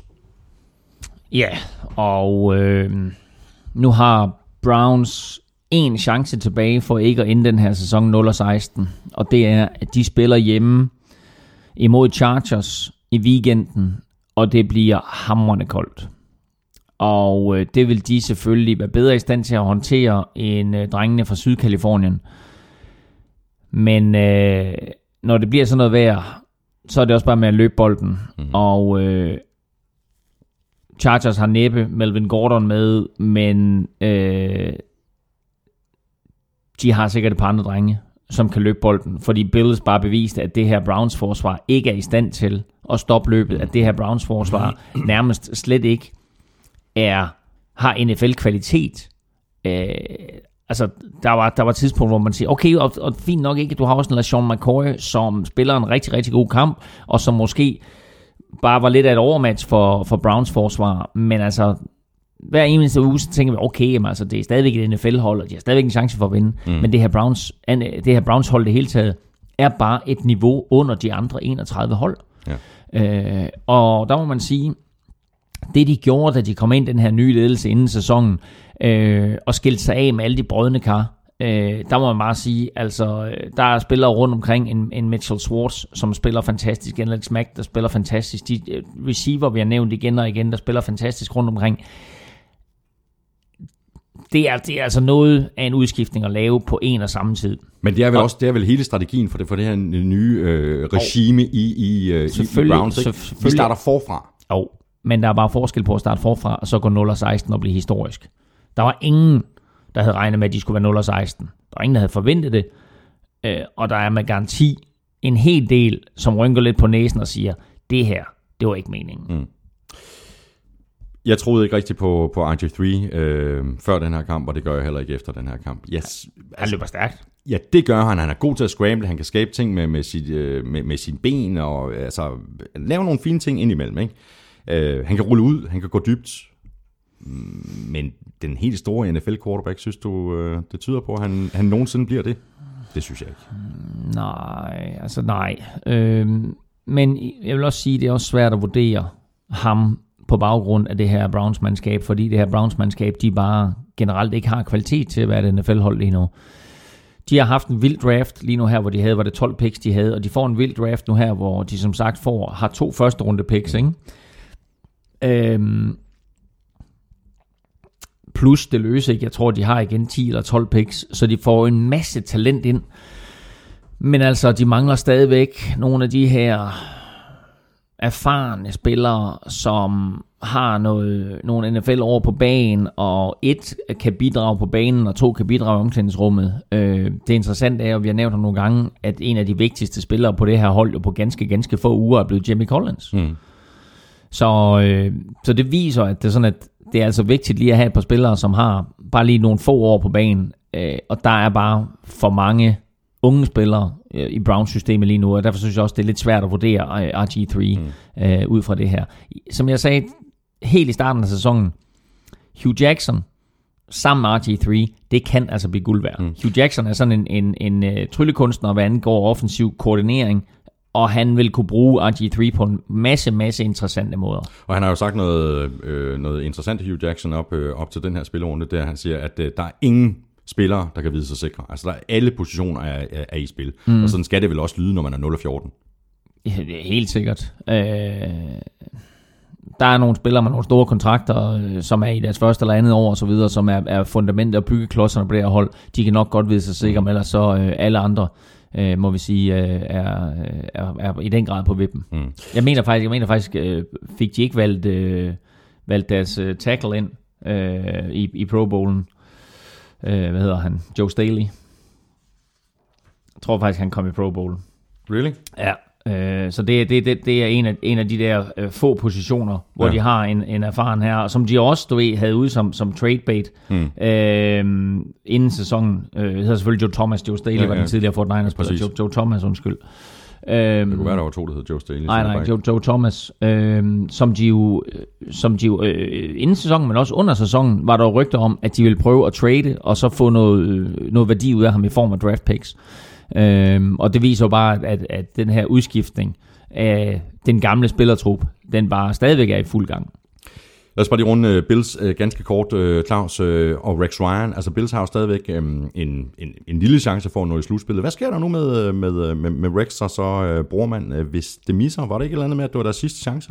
Jeg kan godt lide, at du spørger mig, fordi der var mange journalister, der spurgte Rex Ryan på preskonferencen bagefter, og han grinede bare og sagde, Nå, det er første gang, jeg hører om det. ja, det var det bare ikke. Nej, det er nok ikke første gang, han hører om det. Men altså, der var meldt ud inden sæsonen, Præcis. at kom de ikke i slutspillet, så, øh, så var det slut for Rex. Ikke? Så var Rex X. Øh, og vi sagde jo også her, at, at det her med, at han hævde øh, bror Robin, øh, var jo nok fordi, at det kunne gå hen og blive deres sidste chance for at komme mm. til at coache sammen overhovedet. Øh, de, skal, de er 7 og 7, de skal vinde de to sidste, og de skal have hjælp for at komme i slutspillet. Ja. Øh, det starter mod øh, Dolphins på øh, øh, lørdag, tror jeg det er. Øh, og der, øh, der skal de selvfølgelig vinde. Og så har de Jets i den sidste kamp, Hmm. som de selvfølgelig også skal vinde. Ja. Øh, er og, det- og, så, og så skal de stadigvæk have hjælp. Ja, præcis. Og, Brown, og Browns, de er som sagt øh, 0 af 14, og de tager imod øh, Chargers. Videre til øh, Bears Packers, som øh, Packers endte med at vinde 30-27 efter øh, overraskende meget modstand fra Bears, og det kan godt være, at øh, Rodgers ikke øh, var helt lige så mobil som ellers på grund af sin øh, skade, men hans øh, 60-yard kast til Nielsen til allersidst, der førte til det afgørende field goal, jamen det var jo fuldstændig forrygende. Lidt øh, Aaron Rodgers magi. Igen, ikke? Altså, vi har set det så mange gange, og så går på tredje down og 11, og så fyrer han sådan en bombe afsted til, øh, til Jordan Nelson. Øh, det, stod jo, det stod jo uafgjort på det her tidspunkt, 27-27, og øh, Bears ville få bolden tilbage, ville nok ikke kunne nå at gøre noget med den, og kampen var på vej i overtime. Og så hugger han bare den der dybt. Og det, man skal lægge mærke til ved sådan en kast, det er, øh, der kan ske tre ting. Et, den kan blive grebet, hvilket rent faktisk skete. To, den kan være incomplete. Eller tre, den kan blive intercepted. Mm. Og bliver den intercepted, så er der ingen tvivl om, at så har Jordan Nelson fået at vide, hvis den her den bliver intercepted, så er du forsvarsspiller. Og med 60 yards i luften, der er det her et rimelig solidt punt. Ja, det er det. Ikke? Altså, et rimelig solidt punt. Så øh, han fyrer bare den der dybt, tager en chance på den. Hmm. Jordan Nielsen griber den, så sparker de field goal umiddelbart bagefter. Bum, 30-27, kampen overstået, og man tænker, hold da kæft, hvad skete der der? Ja, præcis. Øh, Bears begår selvfølgelig en klassisk fejl, og det er, at du må aldrig nogensinde i sådan en situation tillade, at en receiver kommer, man siger, dybere end den dybeste mand. Din dybeste mand på forsvaret, altså ham, der er længst tilbage på forsvaret, han skal være længere tilbage, end den receiver, der er længst fremme. Og det var han ikke. Det var han ikke, fordi Jordan Nelson løber forbi ham, og det er lidt vildt, fordi vi har talt om hele sæsonen, at udfordringen for de her øh, Packers receiver var, skråstreg er, at de ikke kan løbe sig fri i en mod en situationer. Og øh, lige der, der viste den langsomme hvide mand, Jordan Nelson, at det kunne han altså godt. Niels, Øh, så han, han hugger den der dybt, Aaron Rodgers, som han gjorde det et par gange sidste år. Øh, og med den sejr, der er Packers pludselig inde på en wildcard-plads, og kan fuldstændig selv afgøre det herfra. Ja, de har Vikings i den her uge, og de har Lions i sidste uge, og vinder de de to, så vinder de NFC North. Øh, og det er lidt vildt at tænke på. ja, de har vel at mærke Vikings på hjemmebane. De har Vikings på Lambeau mm. og Detroit i Detroit. Mm. Niels Sønderborg øh, skriver, hej igen fra en global lytter. Packers blev reddet igen af Aaron Rodgers præcise dybe kast til Jordan Nielsen, men er Rodgers egentlig den mest præcise af de aktive quarterbacks?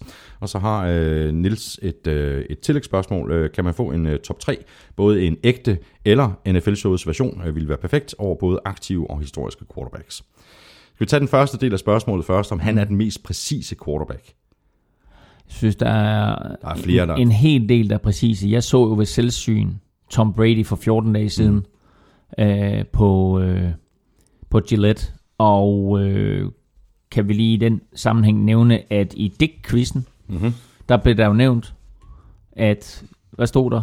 Øh, Elming DK svar på John Madden. Det, det glemte jeg at vende tilbage til. ja, det gjorde nemlig Der var, så. hvad det hedder, en, en fantastisk artikel om dig inde på Patriots hjemmeside. Nej, Ikke, ikke så meget om, altså lidt om mig, men mest om det faktum, at vi har arrangeret den her tur med 40 entusiastiske fans, der har betalt selv for at komme til USA for at se fodbold. Men der står, at det er Danmarks svar på John Madden. Jeg ved ikke, hvor hun har fundet ud af det henne, men, øh, men hende, der har skrevet artiklen, hun er meget sød, og mange tak for det. og Jeg falder en lille tårer, og jeg bukker mig i støvet.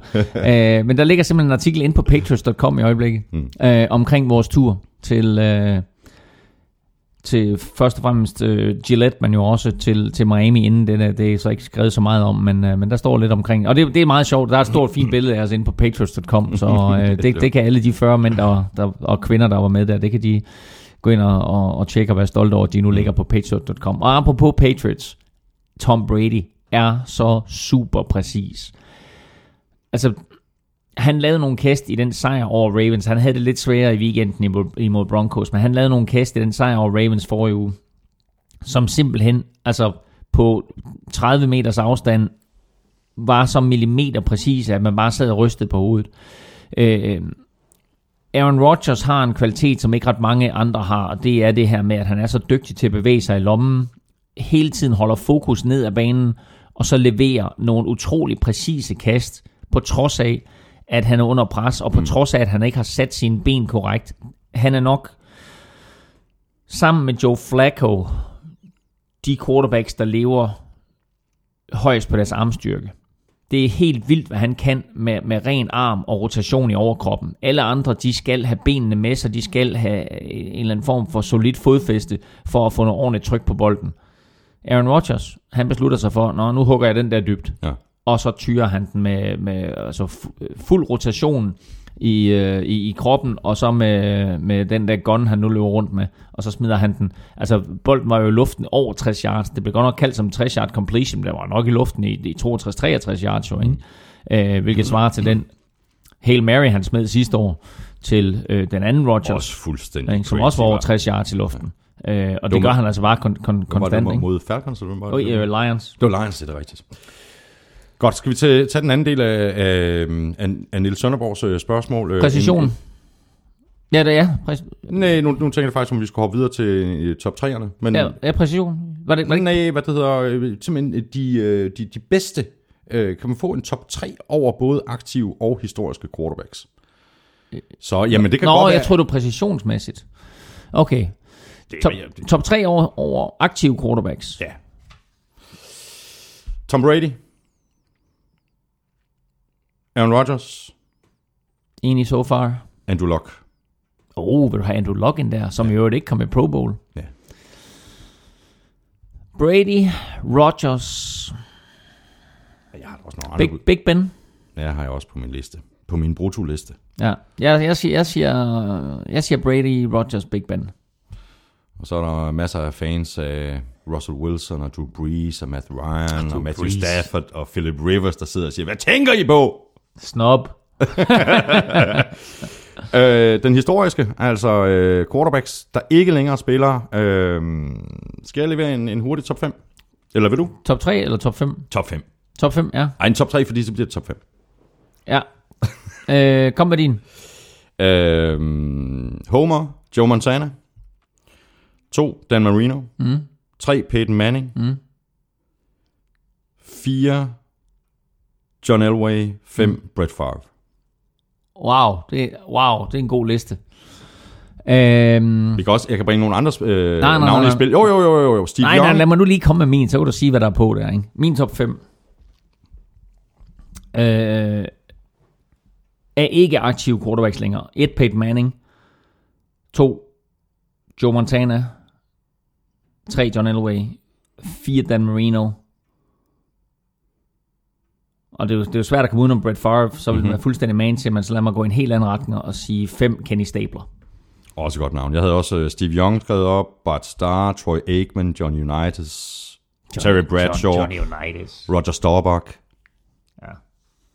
Nå, men det var altså en, øh, en mail fra Nils Sønderborg, som øh, underskriver sig de bedste julehilsner fra Osaka, Japan. Meri Kurisumasu.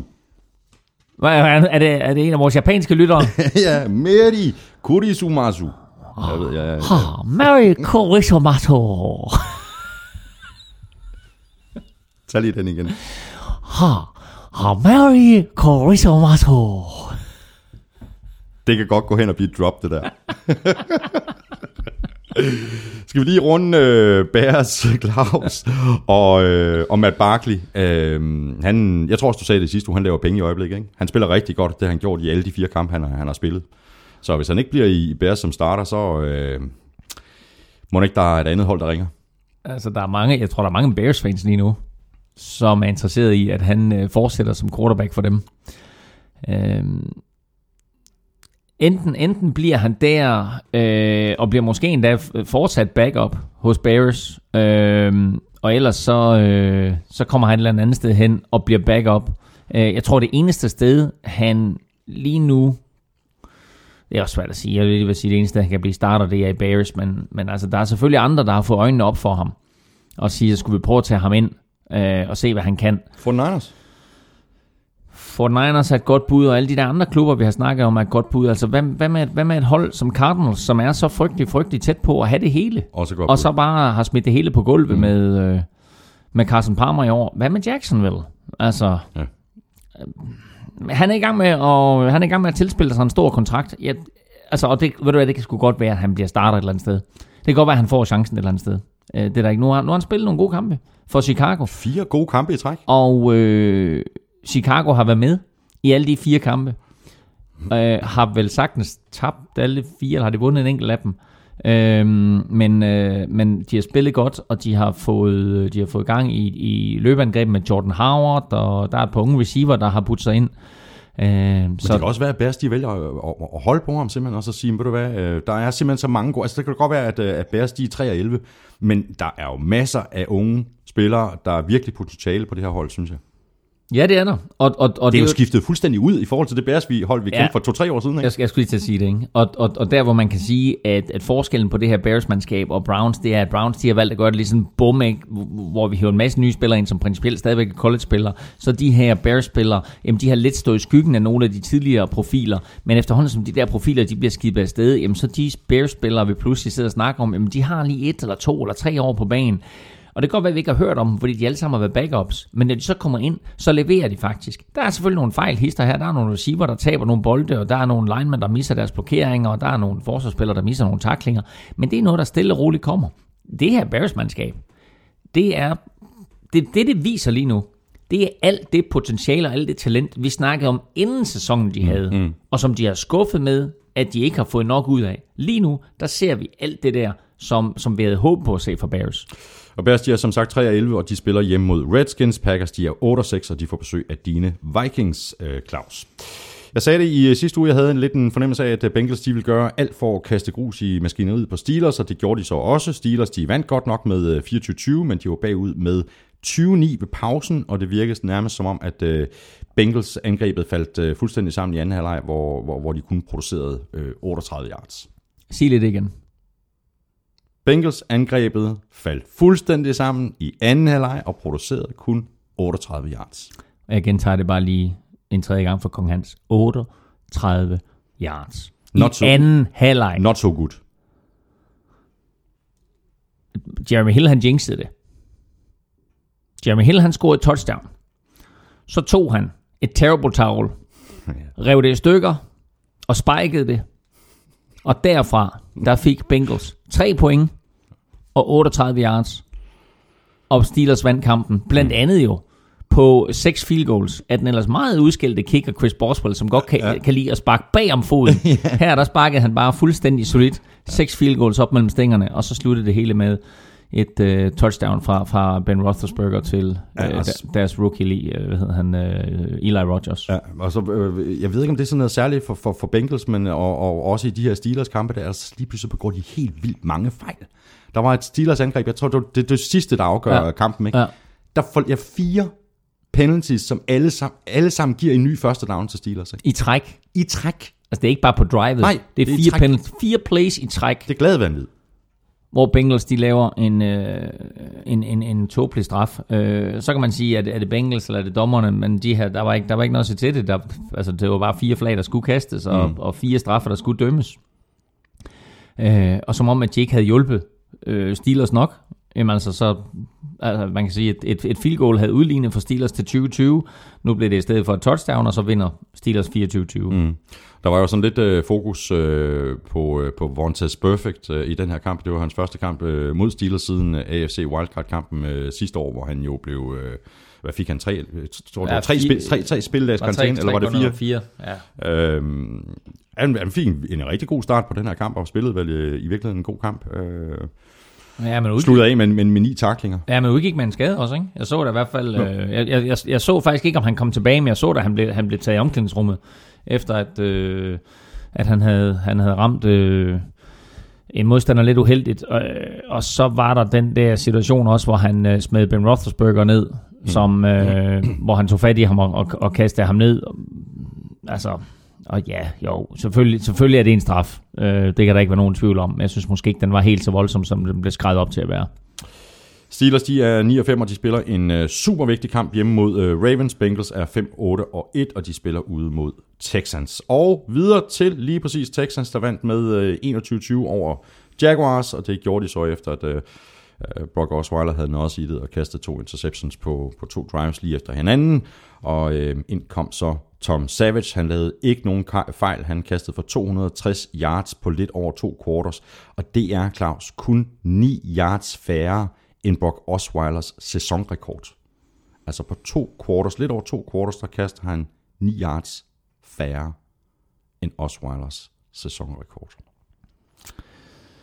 Ja, hvis øh, Texans har en udfordring nu, og det er, at øh, de ikke selv kan afgøre det længere. Fordi de fører lige nu AFC South. Men de ligger på 8 og 6. Det samme som Tennessee Titans. Mm-hmm. Og de to, de mødes i sidste spillerunde. Og vinder Titans i weekenden, og vinder Texans, så går de ind, så er de begge to 9 øh, og 6. Og så vinder det hold, som vinder den kamp i uge 17. Taber Titans i weekenden, så vinder Texans divisionen, fordi Texans har tiebreakeren over Titans. Så Texans holder tiebreakeren både over Colts og over, over Titans. Mm. Det er vigtigt at holde sig for øje, fordi det kan blive, blive Texans' apostrof redning. øh, men de er i den situation lige nu, at de ikke selv kan afgøre det. Og så må de kigge tilbage på den her sæson, og så sige, skulle vi have sat Tom Savage ind noget tidligere? Mm. Var vi for øh, var vi forbundne af, at vi havde spyttet så mange penge i kassen og lagt så mange millioner dollars til Brock Osweiler? Ja, 37 millioner garanteret. garanteret. Af de to- af de 72, og, og, og, det interessante, og det interessante er, at de 37 her ikke, det er garanteret, det er det, han skal have, uanset hvad. Mm. Hvis de fyrer ham efter i år, Så tager han derfra med 37 millioner dollar. så tager han derfra med 37 millioner dollars, og så kan han blive backup til Matt Barkley et eller andet sted. øh, de kunne have vundet nogle kampe hister her. Mm. Med Tom Savage som quarterback. Hvis Tom Savage havde spillet på det niveau, som han spillede på, nu skal vi lige igen sige, det var mod Jacksonville Jaguars. Mm. Ikke? Altså, det var ikke mod Denver Broncos. Vel? Og det var altså, to quarters. Præcis. Øh, men Tom Savage så god ud, og han så så god ud, så han, som vi nævnte i starten, nu også spiller og starter i weekenden. Så øh, meget interessant at se, hvad der kommer til at ske for Texans. Fordi kommer de ikke i slutspillet, hvad så? Mm. Kommer de i slutspillet, så er det klart, så spiller de som Savage, og så må vi bare sige, de har lige nu det forsvar i ligaen, der tillader færre yards. Her kommer det en lynhurtig lille quiz. Ved du, hvilket hold, der har tilladt færrest point i sæsonen? Jeg, jeg begynder bare at tælle nu, okay? Der er 32 hold. Hvilket hold har tilladt færrest point? Øh, Chiefs. Nej, Raiders. nej. Jaguars. Nej. Jaguars? Jamen, jamen, nu, nu tager jeg det bare. Texans. Nej. Patriots. Åh, kæft, hvordan tog du den? Patriots? Jamen ved du, jeg var da så overrasket over at finde ud af, at Patriots er det hold, der har tilladt færrest point. Jeg troede, at det var sådan noget Seahawks, eller måske endda Vikings. Men jeg synes ikke, deres forsvar er lige så dårligt, som det er blevet gjort til. Og især, jeg, jeg synes, det er begyndt at spille sig op, faktisk. Jamen ved du hvad, jeg er bare overrasket over, at Patriots er det hold, der har scoret færrest point mod i år. Synes du ikke det? Jo, jo, jo, jo, jo. Nå, Jo, jo. okay. Men Jo. det var, lige, det var lige en sidenote og en lille hurtig quiz, som du rent faktisk... Altså, jeg, jeg havde ikke skudt på Patriots før længere nede. Øhm, og, det var, det var kun nummer, og det var kun nummer 5, fordi du på en Men eller anden måde fik fedtet Jackson ja, Jaguars ind i ja, men det. var, fordi jeg kiggede på mine papirer, og så sagde jeg, ja, Jaguars. Øhm, nå, hvad... Texans tillader af alle. Det vil sige, de har det der forsvar, mm. der skal til. Mm. Nu har de så fået måske, vi kan ikke vurdere det ud fra en halvleg, men de har måske fået deres game manager i Tom Savage. Hvis det er Andre Hopkins, han kommer i gang, hvis Lamar Miller, han nyder godt af det her, øh, hvis Will Fuller nyder godt af det, øh, Fedorovic, deres tight end, etc., etc., etc., så har de jo præcis de brækker, der skal til for at vinde Mm. i slutspillet også. Måske komme langt i slutspillet. Mm. Og i teorien også vinde Super Bowl. Det var jo det, nøjagtigt det samme, som øh, Broncos havde sidste år. Ja. Og Broncos øh, har en anden historik sammen med Texans, nemlig at de også bænkede Brock Osweiler. Ah, så øh, det kunne være meget sjovt, hvis han øh, to år i træk vinder Super Bowl som en bænket backup quarterback. klasse. Men, øh, og så er det lidt utroligt, ikke, at øh, J.J. Watt altså sidder på bænken, skadet og ude, færdig for sæsonen. Prøv at tænke på, hvor- hvordan det forsvar har set ud, hvis han havde været med. Ikke? Lad os bare lige runde uh, Jaguars, bare lige ganske kort, uh, Claus. Vi har, vi har snakket om Gus Bradley, der nu er historie, uh, fordi at man kan bare sige, at uh, Jaguars i den her kamp, der gjorde de bare, hvad de har gjort hele året. De fandt en måde at, at tabe på. De var foran med, med, med 13-0. Uh, lad det ligge. Uh, jeg vil bare lige uh, rette opmærksomheden mod en, hen mod et, uh, et navn, som jeg synes er spændende. Det er Marquis Lee, uh, der laver et uh, kickoff return på 100 yards, og jeg mm. synes ligesom, at han der begynder at, at tegne sig et billede af, at Marquis Lee, han kan blive en rigtig, han er også god på, altså på wide receiver. Ja, og han kom ind i ligaen. Hvad er han anden årsspiller? Ja, enten så er han anden årsspiller, også en tredje årsspiller, men han kom jo ind i ligaen øh, og, og med, jeg tror han er tredje årsspiller. Øhm, men som en af de her unge receiver med masser af potentiale, og det er ikke rigtig blevet forløst endnu. Øh, og har jo også øh, stået lidt i skyggen af, af, af de to, Alan Robinson og Alan Hearns. Mm. Men altså øh, tilspiller sig mere og mere spilletid, øh, og har jo en masse potentiale, og ikke mindst en masse fart i stængerne. Det må man sige også. Øh, så igen, hvis de får en quarterback ind, som øh, måske kan udnytte det, mm. så, øh, så er der, der klart noget potentiale i ham. Mm. Øh, jeg vil bringe to andre spillere på banen. Unge, rookie, Jalen Ramsey, som øh, ikke kom i Pro Bowl, måske godt kunne have fortjent det, Mm-hmm. laver sin øh, karrieres første interception. Der har du i hvert fald øh, en af de helt unge superstjerner i ligaen. Han er også i spil til at blive Rookie of the Year, i hvert fald Defensive Rookie of the Year. Øh, en anden, Telvin Smith, som interessant nok er manden, der laver den anden interception mm-hmm. i den her kamp. Heller ikke kommer i Pro Bowl, og også er et mega snob, fordi, altså han er ikke en snob, men det er et Nej, at han ikke kom i. Øh, fordi han er den eneste grund til, at han ikke er i Pro Bowl. Det er, fordi han spiller for Jacksonville Jaguars. Han er en vanvittig dygtig linebacker. Enig. Og Texans, de er øh, 8 og 6, og de spiller hjemme mod Bengals. Jaguars, de er 2 og 12, og de får besøg af Titans. Så lige præcis, øh, Titans vandt på udebane over Chiefs med 19-17. Chiefs var foran 14-0, på trods af, at de rent faktisk blev stoppet to gange på goal line. De vandt øh, turnovers med 3-1, men deres angreb gik fuldstændig i stå i uh, anden halvleg. De scorede ingen point overhovedet. Alex Smith kastede en uh, grim interception, og så uh, vil Andy Reid nok gerne omgøre sin uh, sidste beslutning om at uh, ice kickeren til allersidst. Den vender vi tilbage til. Lad os starte med den Alex Smith interception, fordi det står 17-7 til Chiefs. Mhm. Og de har bolden på omkring 10 linjen og så kaster Alex Smith en bold ind i endzonen, som bliver intercepted. Og derfra vender kampen. Øh, så scorer Titans. Og pludselig er de med øh, i den her kamp igen. og så scorer de kunne hjælpe med endnu en gang. Og så øh, er det, at de vælger at gå efter to. På det her tidspunkt, der er de, bag, der er de bagud 17-16. Så de har altså reduceret først til 17-10, så scorer de touchdown 17-16. Nu kan de med et enkelt point udligne, Mm-hmm. men vælger at gå efter den, vælger at gå efter sejren.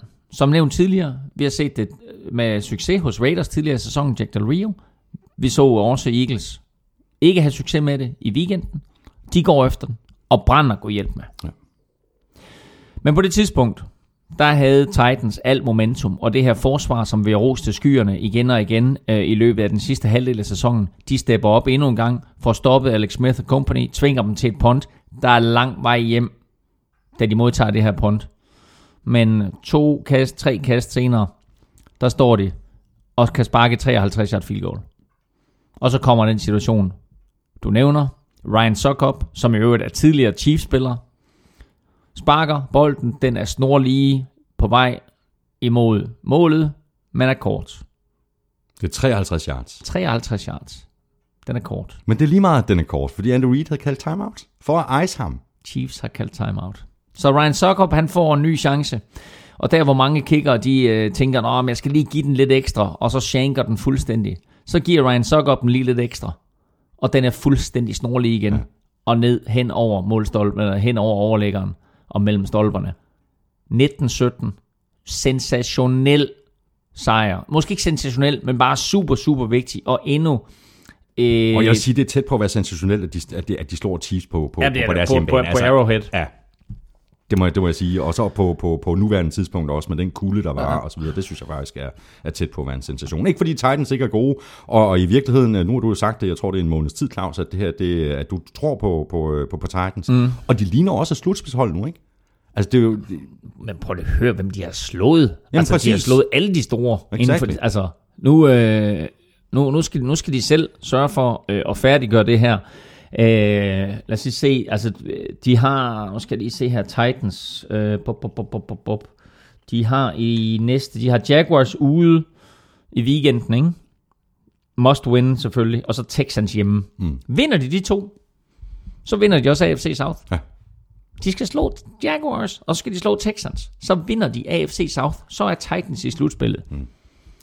Og Titans, de er 8 og 6, og som du så lige sagde, så skal de til øh, Jacksonville og spille mod øh, Jaguars. Chiefs, de er 10 og 4, og de spiller det, der godt kunne blive en øh, tæt og lavt scorende affære hjemme mod Broncos.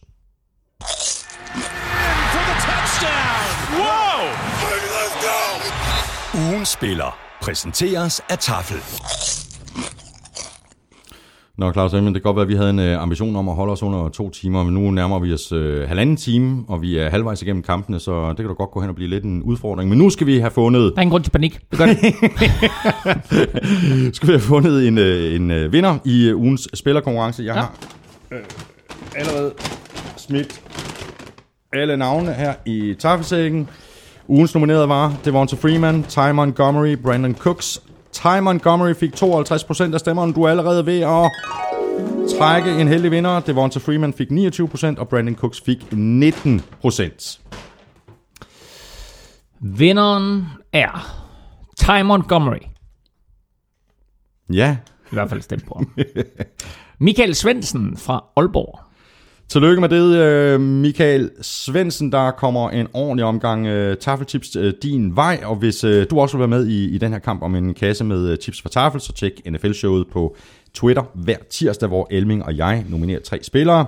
Stem på din favorit på mailsnabla.nflshow.dk ved at skrive dit bud i emnelinjen, og i selve mailen, der skriver du dit navn og adresse. Så er det ud over stepperne, Claus Elming. Øh, Vi tager hul på kampen igen, og det gør vi med noget af en øh, chokker. Vi kan lige skal få det overstået. Øh, Colts vandt ude over Vikings med øh, 34-6. Hvad gik der lige galt, øh, Claus? Udover at øh, Andrew Locke spillede en øh, overbevisende kamp og pillede den her Vikings øh, front seven fra, fra hinanden. Øh, det var sgu ikke så meget front Jo, det var også front seven, fordi det, det kan godt være, at du fremhæver Andrew Locke, men øh, Colts var også i stand til at løbe mm. imod Vikings. Der var ikke noget angrebsmæssigt, der ikke fungerede for Colts. Øh, altså, Andrew Luck var skarp. Han ramte nogle fuldstændig ukendte receiver. Øh, blandt en eller anden spiller, der hedder Swoop. Eller Snoop. øh, Ikke snap. ikke, han er ikke snob. Øhm, han øh, er tight end, øh, tidligere basketspiller, som øh, på en eller anden måde øh, kom ind, hed Eric Swoop. Han havde grebet 10 bolde i løbet af sæsonen, inden den her kamp mod Vikings. Øh, han greb tre, inklusiv et øh, touchdown på, øh, på 27 yards. Øh, men det, det var bare en af historierne. Øh, den anden historie var jo altså som sagt det her med, at, øh, at Colts de kunne løbe. Frank Gore havde over 100 yards. Mm. Det er altså ikke så tit, at Vikings de tillader en 100 yard rusher. Øh, altså øh, Ezekiel Elliott havde, var det lige omkring 80 yards imod Vikings, øh, hvoraf halvdelen kom på et løb. Mm. Men uh, Frank Gore, igen og igen var han altså i stand til at løbe. Uh, og udover hans løb, jamen, så var der Robert Turbin, uh, som havde uh, nogle rigtig, rigtig gode løb, og uh, scorede to touchdowns i øvrigt også. Mm. Uh, så det var et Vikings forsvar, som tillod alt for meget. Et Vikings forsvar, der helt tydeligt savnede Harrison Smith. Uh, og et Vikings forsvar, som også begik en uh, kæmpe bummert i starten af kampen, hvor de havde stoppet Coles. Det stod 3-0 havde stoppet Coles nede på deres egen 2-3 linje og øh, så på det efterfølgende field goal forsøg, der prøver øh, 135 kilo Linval Joseph øh, det her trick med at springe hen over linjen for at blokere et spark. Mm, mm. Det er pænt tåbeligt. Altså, hans vertical er omkring 15 cm.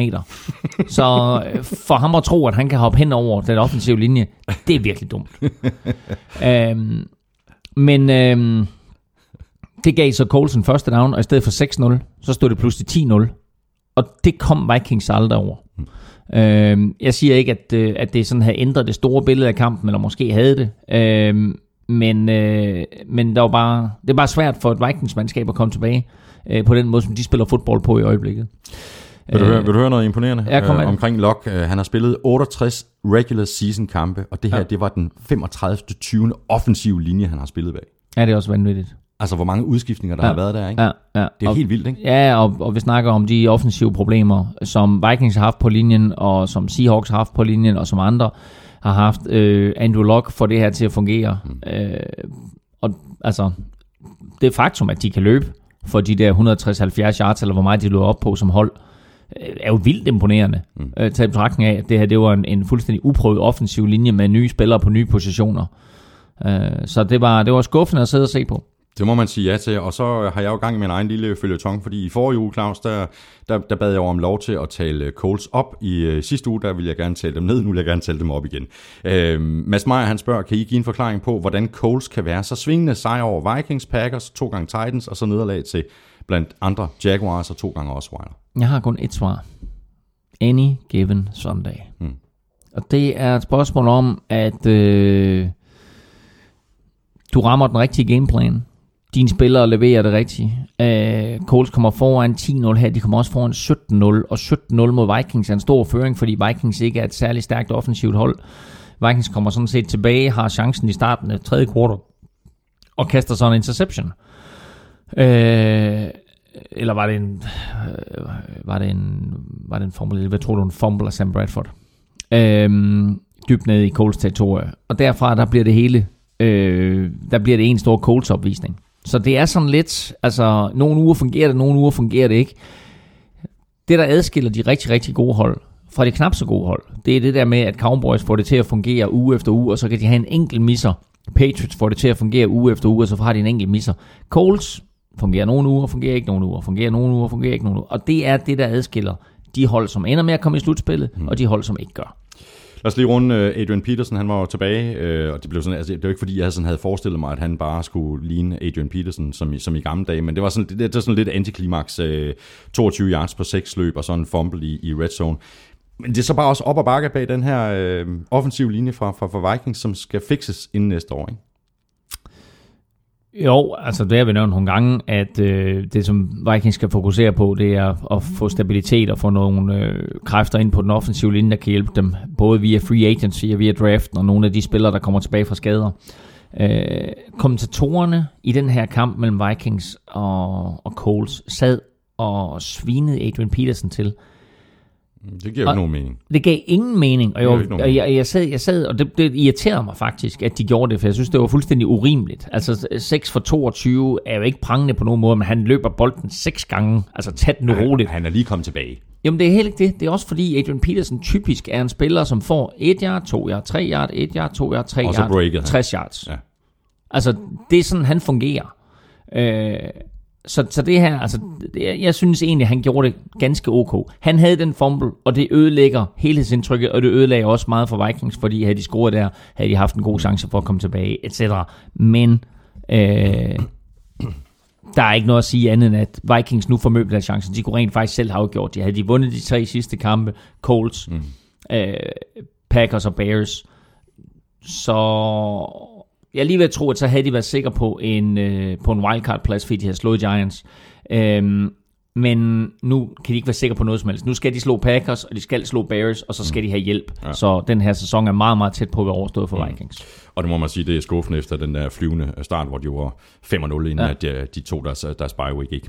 Vikings, de er 7-7, de skal på Lambeau spille mod Packers. Colts, de er 7-7 også, og de spiller ud mod Raiders. Og bare lige en sidste hurtig kommentar. Coles kan jo heller ingenting afgøre selv, og de skal i den grad have hjælp. De skal vinde deres to sidste.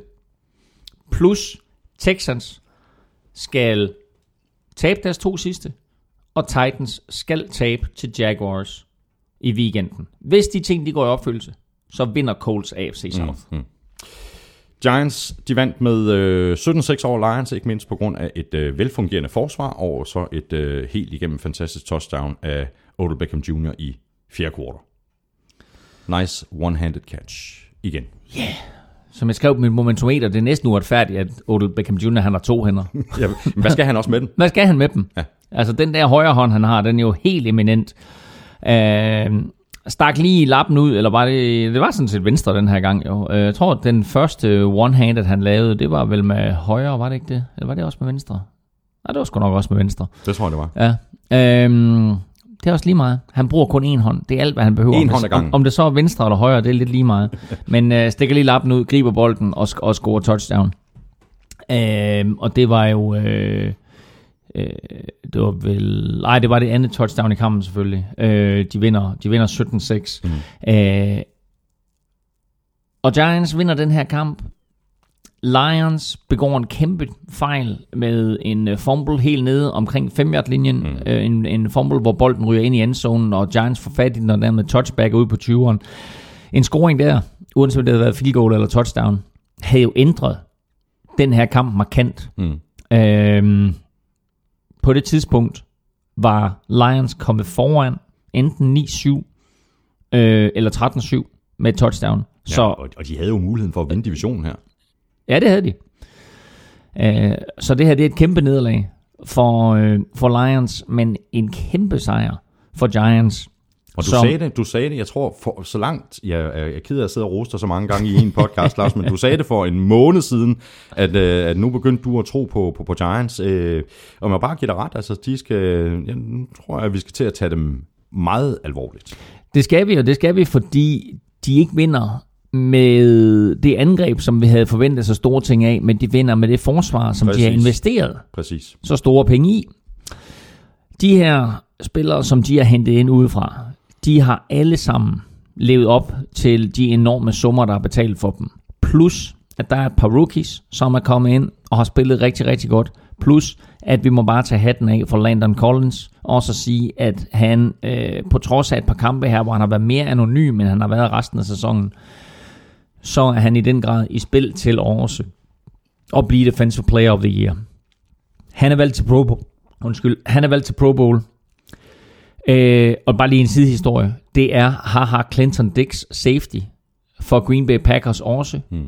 De to spillede på hold sammen i college hos Alabama. Jeg siger bare tak, fordi jeg ikke var receiver for deres modstandere. er du tosset, Det er to giftige spillere. øhm, så øh, Landon Collins har i den grad etableret sig selv som en af ligaens bedste safeties, øh, og er på en eller anden måde sikkerhedsventilen på hele det her forsvar. Mm. Og Giants, de er 10 og 4, de skal til øh, Philadelphia og spille mod Eagles Thursday Night. Lions, de er 9 og 5, 9 og, 5, og de spiller en øh, super vigtig kamp ude mod øh, Cowboys Monday Night. Videre til øh, en øh, vild kamp, øh, hvor det var tæt på, og vi rundede de øh, trecifrede Saints. De vandt med 48-41 ude over Cardinals, og efter at have kastet tre interceptions og 0 touchdowns i to kampe i træk, så var øh, Drew Brees tilbage i topform. Han kastede for 389 yards og fire touchdowns. Øh, og jeg synes, det er en skam, at, øh, at en af de bedste quarterbacks i ligaen nu skal sidde uden for slutspillet, for hvad bliver det? Tredje år i træk, tror jeg. Ja, øh, og apropos det her med øh, at blive snydt for, for Pro Bowl, altså så er Drew Brees heller ikke at finde mm. i Pro Bowl. Øh, og det er jo... Du, du, Ja, nej, men han har også, der, der har været nogle udfald undervejs, synes Ja, jeg, i, i den ja. her sæson. Ikke? Altså som for eksempel de to øh, forrige kampe, altså med, med ingen øh, touchdowns og, og tre interceptions i, i to kampe i træk. jo, øh, måske nok, men øh, jeg synes... Jeg synes alligevel, at, at øh, han er så dygtig, og han leverer bare år efter år. Øh, og selvfølgelig havde han de der to kampe, men altså... Det, jeg, jeg synes, det, altså, det, siger næsten en hel del om quarterback-kvaliteten Ja. i NFC, at hverken Matthew Stafford eller Drew Brees er med. Nå, når, når det så er sagt, så var det her, det var en ren shootout. Øh, hvis nogen kan huske tilbage til en slutspilskamp for mange år siden, hvor Packers og Cardinals spillede mod hinanden, som også var en fuldstændig vanvittig shootout, så mindede det her jo lidt om det. Det var lidt lige meget, om det ene hold var foran med 7 eller med 14, så tænkte man, at det andet hold kan sagtens komme tilbage. Og det var sådan set det, der skete, og øh, da Saints de til sidst i kampen kommer foran med 14, så tænker man, nu er det overstået. Og så går der vel, hvad, fire plays eller sådan noget. Så scorer Cardinals. Og så står der et par Saints-spillere og råber og skriger lidt af hinanden og siger, det er din mand. Nej, det er din mand. Uh, det gik simpelthen så stærkt. Så Cardinals havde jo rent faktisk chancen til sidst mm, mm. for at komme op og udligne til 48-48. Så havde vi altså fået næsten 100 point i den her kamp. Ja, det var tæt på, Nu, uh, nu blev det kun til 89. Ja. Kun i godsøjne, ikke? Og det her, det var jo et uh, Breezes sejr nummer 100 som Saint. Ja, og det er også... Øh, altså, så, så tænkte jeg, 100, jeg troede egentlig, jeg har op på flere. Men prøv lige at tænke på det. Det svarer altså til 10 sæsoner med 10 sejre. Mm. Det er vildt. Ja, det er det. Øh, lige en lille nugget på David Johnson. Han har nu rekorden for 14 kampe i træk med over 100 yards fra scrimmage. Og meget kan man sige, men han har jo ikke øh, Ezekiel Elliots offensiv linje.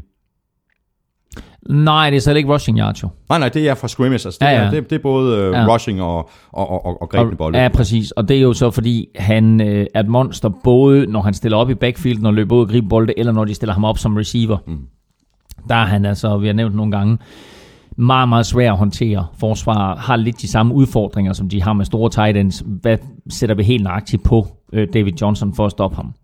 Øh, det her med de 14 kampe i træk øh, med 100 yards, det er jo en rekordserie på den måde, at det er fra starten af sæsonen, altså til at starte en sæson med. Øh, Adrian James har gjort det to gange. Øh, jeg tror faktisk, Barry Sanders holder rekorden for flest kampe i træk med 100 yards med 15. Øhm, og enten så var det fra kamp 2 til kamp 16, eller også så var det faktisk fordelt over to sæsoner. Mm. Øh, men rekorden her for flest yards øh, i en sæson er selvfølgelig fra, fra øh, start af en sæson. Øh, og der er han altså oppe på 14 nu. Øh, og altså som, som det her Cardinals angreb er skruet sammen, der når han også kamp 15 og kamp 16. Det må man øh, stærkt ud fra. Cardinals de er 5 8 og 1, og de skal øh, smutte nordpå og spille mod Seahawks. Saints de er 6 og 8, og de tager imod Buccaneers. Og så til en af de øh, helt øh, forudsigelige kampe. Falcons de øh, udraderede 49ers med 41-13 uden Julio Jones. Det kunne øh, sagtens være blevet en endnu større sejr. Falcons de var foran med 21-0 øh, nærmest før kampen den var gået i, i, i, i gang, og så var der jo ligesom ikke rigtig nogen grund til at spille til øh, resten af kampen. Øh, og Matt Ryan, han har en øh, yndlingsspiller, han spiller i rødt og sort, og så kaster han bare til ham, hvem det så end er. Den fri mand. ja, og hvis han ikke, hvis han ikke gider kaste bolden, så, så stikker han lige... Øh, øh, så laver, han, så laver han sådan en lille hurtig afstemning ned i hotlen, ja. øh, hvor han kigger på Tevin Coleman og Devonta Freeman, og så siger han, hvem, hvem, hvem af jer har lyst til at løbe bolden? Øh, og så stem- stemmer de henholdsvis på, på sig selv, ikke? Øh, og det er lidt lige meget, hvem af dem, der løber bolden. Men Devonta Freeman havde en kanonkamp. Ja, og han er sindssyg på jorden, og jeg synes øh, og også Coleman, han er super pass catcher øh, ud af backfielden, ikke? Altså, Jo, jo, men altså... og, så, og nu Taylor Gabriel også, ikke? Øh, som har stemplet ind. Ja, Øh, så de har jo nærmest ikke haft behov for Julio Jones. Øh, angiveligt så kommer Julio tilbage til weekenden. Mm. Og så øh, må vi se, øh, om det er en fordel for det her angreb, eller det ikke er en fordel, fordi det er meget sjovt at se nogle angreb, som rent faktisk er blevet bedre, når man har taget deres stjerne receiver væk. Matthew Stafford har aldrig været bedre, end han er lige nu for Lions. Mm. Øh, øh, Andy Dalton har spillet nogle virkelig, virkelig gode kampe uden AJ Green. Så hvad er det helt præcis, der sker? Mm. Øh, men, øh, men der er ingen tvivl om, at, at Julio Jones øh, giver Falcons og giver Matt Ryan øh, et våben, som er helt unikt, øh, og som øh, alle forsvar skal forholde sig til. Og øh, når de skal det, så bliver der også mere plads til de andre. Falcons er det eneste hold i år, der har scoret 40 kampe i to kampe i træk. Er det 40, 40, 40, point. 40 point, undskyld. Er det eneste hold, der har scoret 40 point to kampe i træk. Så har de gjort det to gange. Mm. Så det er sådan rimelig imponerende. Ja, og til resten, øh, altså, don't be afraid, be very afraid. Over det, altså, De kan lave mange point, øh, og, og, og, og altså skal man slå dem, så skal det være sådan noget shootout-aktiet eller andet. Ja. Øh, det, bliver, det bliver ret interessant. Øh, de vinder i weekenden. Buccaneers taber i weekenden. Og dermed så er Falcons jo altså en enkelt kamp foran i, øh, i, i den her kamp om, omkring mm. NFC South-titlen. Og Carlos Hyde, han er efterhånden det eneste lyspunkt for, for Niners. Det kan godt være, at uh, statsene faktisk ikke ser ud af så forfærdeligt meget. 13 løb for 71 yards, men hvis man, men hvis man ser på løbene, uh, det han rent faktisk uh, producerer, så kan man bare konstatere, at Hyde han er en god running back. Ja, det er han. Øh, og der er ikke ret mange højdepunkter øh, for Fort Niners mandskab. Vi talte lidt om det i sidste uge, hvad de skal drafte og så videre. De skal i hvert fald ikke kigge på running back. Nej. Fordi Carlos Hyde spillede helt fantastisk i forrige uge, og han spillede rigtig godt her i weekenden. Øh, han er ikke øh, omgivet af særlig meget talent. Præcis. Øh, men han er i hvert fald lidt ligesom vi snakkede om, at Bilal Powell for Jets er en god byggeklods. Så er Carlos Hyde i den grad en god byggeklods for Fort Niners. Og for Niners, de er 1 og 13, og de spiller ude mod Rams. Falcons er 9 og 5, og de spiller ude mod Panthers. Patriots, de vandt ud over Broncos med øh, 16-3. Den her gang, der havde øh, Brady fordelen af et godt løbeangreb, en sund offensiv linje, og så en, en gameplan, der er mere eller mindre fjernede Broncos bedste forsvarsspiller, Von Miller. Og det var vigtigt, fordi øh, sidst de to klubber mødtes, der øh, vandt Von Miller over Patriots. I den her uge, der vandt Patriots over Von Miller. Øh, Von Miller havde en hurry, altså han var inde og pra- lægge pres på Brady, en eneste gang i hele kampen, og ellers så tog de ham ud. Enten så sørgede de for, at Brady han slap bolden hurtigt, eller også havde de to mand på Von Miller. Så øh, det var historien i det her, og det var Bill Belichick igen, som selvfølgelig coachede. Øh, og når han siger, at når vi spiller mod et hold, så tager vi deres øh, bedste våben væk. Og det, det plejer de. som regel at være angrebsspillere, man taler om. Men her der var det en forsvarsspiller, ja. som de tog ud af kampen. Og øh, det var altså nok til, at øh, de kunne vinde kampen. Og så øh, LeGarrette Blunt scorede sit 15. touchdown. Et, fører det hele NFL. To, så er det Patriots rekord han øh, var tangeret før med legendariske Curtis Martin. Nu er han altså alene mm. i spidsen som den running back, der har scoret flest touchdowns i en sæson for Patriots. LeGarrette Blunt. Det var, der Apro- ikke, det var der ikke ret mange, der havde sat sig på før sæsonen. Apropos Pro- Pro Bowl, heller ikke i. Det er også mærkeligt, er det ikke det? Er det ikke det? Jo, Jeg synes også, det er jo mærkeligt. det er det. det, er Han, det. han, altså, i hvert fald de fire første kampe uden Brady, der var han et monster. Mm. Og der var han den, der holdt sammen på det. Ja, ja, ja, præcis. Øh, nu var du lige inde på det der, Claus, med øh, hvor, hvor, hvor hurtigt øh, Brady han øh, slap øh, bolden, hvis der ikke var to mand på, på Von Miller. Mm. Øh, jeg læste, at øh, der stod Julian Edelman eller James White på 65% af Bradys 31 kast. Mm. Back, Ja. og så er jeg afsted med bolden. Ja, ikke? men det er deres angreb. Øhm, og det der er med det her angreb, det er, at hvor mange hørte du ikke snakke om, uha, ingen Gronk, det bliver forfærdeligt, nu kan de ikke noget. Det er lige meget. Fordi de justerer simpelthen efter forholdene, de justerer efter øh, de modstandere, de har. Og de har de her små, korte krydsningsruter, eller kast til running backsene ud af backfielden, øh, eller en play fake, og så går de dybt. Der er så mange variationer, mm. og Brady er mesteren til at håndtere det hele. Så er der et spørgsmål her fra øh, Mads Samer om en af Patriots forsvarsspillere. Hvad synes I om Malcolm Butlers præstationer i den her sæson? Ville I placere ham i en top 10 over bedste cornerbacks? Ja, og også i top 5. Præcis. Jeg Og i, top, og i top 3. Ah, rolig nu, ikke? Altså, der er to eller tre for Vikings, ikke? Altså, øh, og så... Øh, altså, jeg, har, jeg, har skrevet, jeg har Terrence Newman for, for Vikings skrevet ned på min brutoliste. Ja, men han er også på, ikke? Men altså, det der med 2 eller 3 er selvfølgelig en joke. Men altså, du har Marcus Peters. Du har Richard Sherman. Du har Terrence Newman. Du har... Hvem har du mere? Men skal jeg, skal jeg Ja, kom med dem. med, med, med min uh, top Ja. 5? Agib Talib for Mm. Broncos. Ja. Malcolm Butler for Patriots. Toer. Ja. Oh, Chris Harris Jr. Chris Harris Jr. for ja. Broncos. Ja, dem alle sammen. Terrence Newman for Vikings. Mm. Patrick Peterson for Cardinals. Oh, ja. Janoris Jenkins, Ja. Giants. Ja. Casey Hayward, Chargers. Ja. Morris Claiborne, Cowboys. Ja. Josh Norman, Redskins. Uh, Dominic Rogers, uh, Cromartie for Giants. ja, ham er jeg ikke enig i. Nej. Men uh, Nej, altså, okay, altså, han er i hvert fald i top 10, om han så lige er i top 5, det ved jeg ikke helt. men han er god. Han er, han er virkelig god, altså prøv at høre, han har, øh, han har en Super Bowl sejr bag sig. Det var ham, der, der afgjorde Super Bowlen forrige år, ikke med den interception der. Øh, og, Hvor der jo stort set ikke rigtig var nogen, der kendte ham. Præcis jo. Og der var han nemlig rimelig ukendt, ja. og nu her ikke, der er han en, en profil på cornerback. Ja. Nikolaj Tejlsø øh, spørger, hvad skal Denver gøre for at få deres offensiv i gang? Forsvaret leverer jo konstant præstationer til en sejr, men angrebet kan ikke leve op til det samme. De skal øh, få fat i en running back, der kan ramme hullet og skabe nogle yards på egen hånd. Øhm, de har ikke øh, de har ikke haft noget øh, siden C.J. Anderson han blev skadet. Øh, og de smed Ronnie Hillman på porten inden sæsonen. Og det var måske fint nok, fordi Ronnie Hillman ikke rigtig har kunne finde en tilværelse i NFL siden.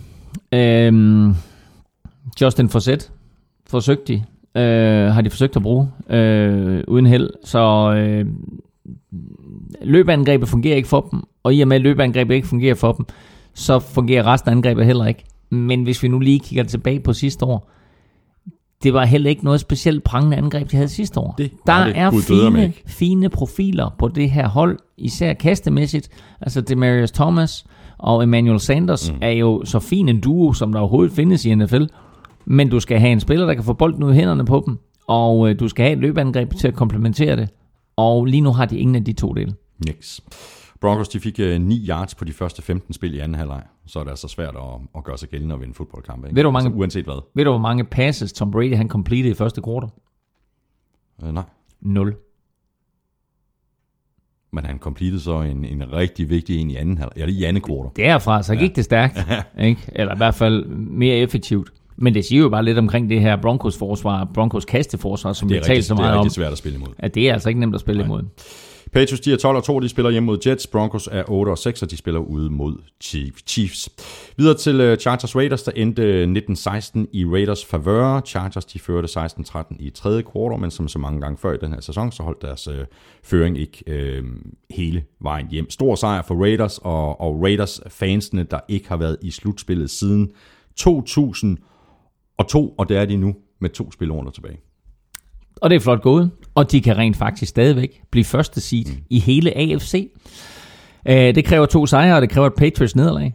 Uh, sker det, så er Oakland Raiders tilbage der, hvor de var i 2002. Um, Stor credit til Jack Del Rio, stor credit til deres drafts og deres free agent signings. Øh, Det her det ja, ja. er en organisation, der, der virkelig har gjort det godt de, de seneste 4-5 år. Ikke? Og stor ros til deres defensive coaches. Fordi det her, det var altså et øh, Raiders-hold, som hvis du tænker tilbage, så på de første to uger opgav 1000 yards til sammen.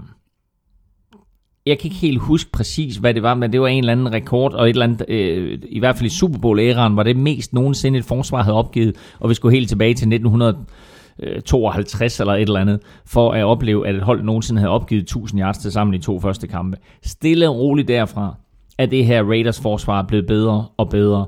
Og i de første par uger, der sang vi også, hvor er Khalil Mack?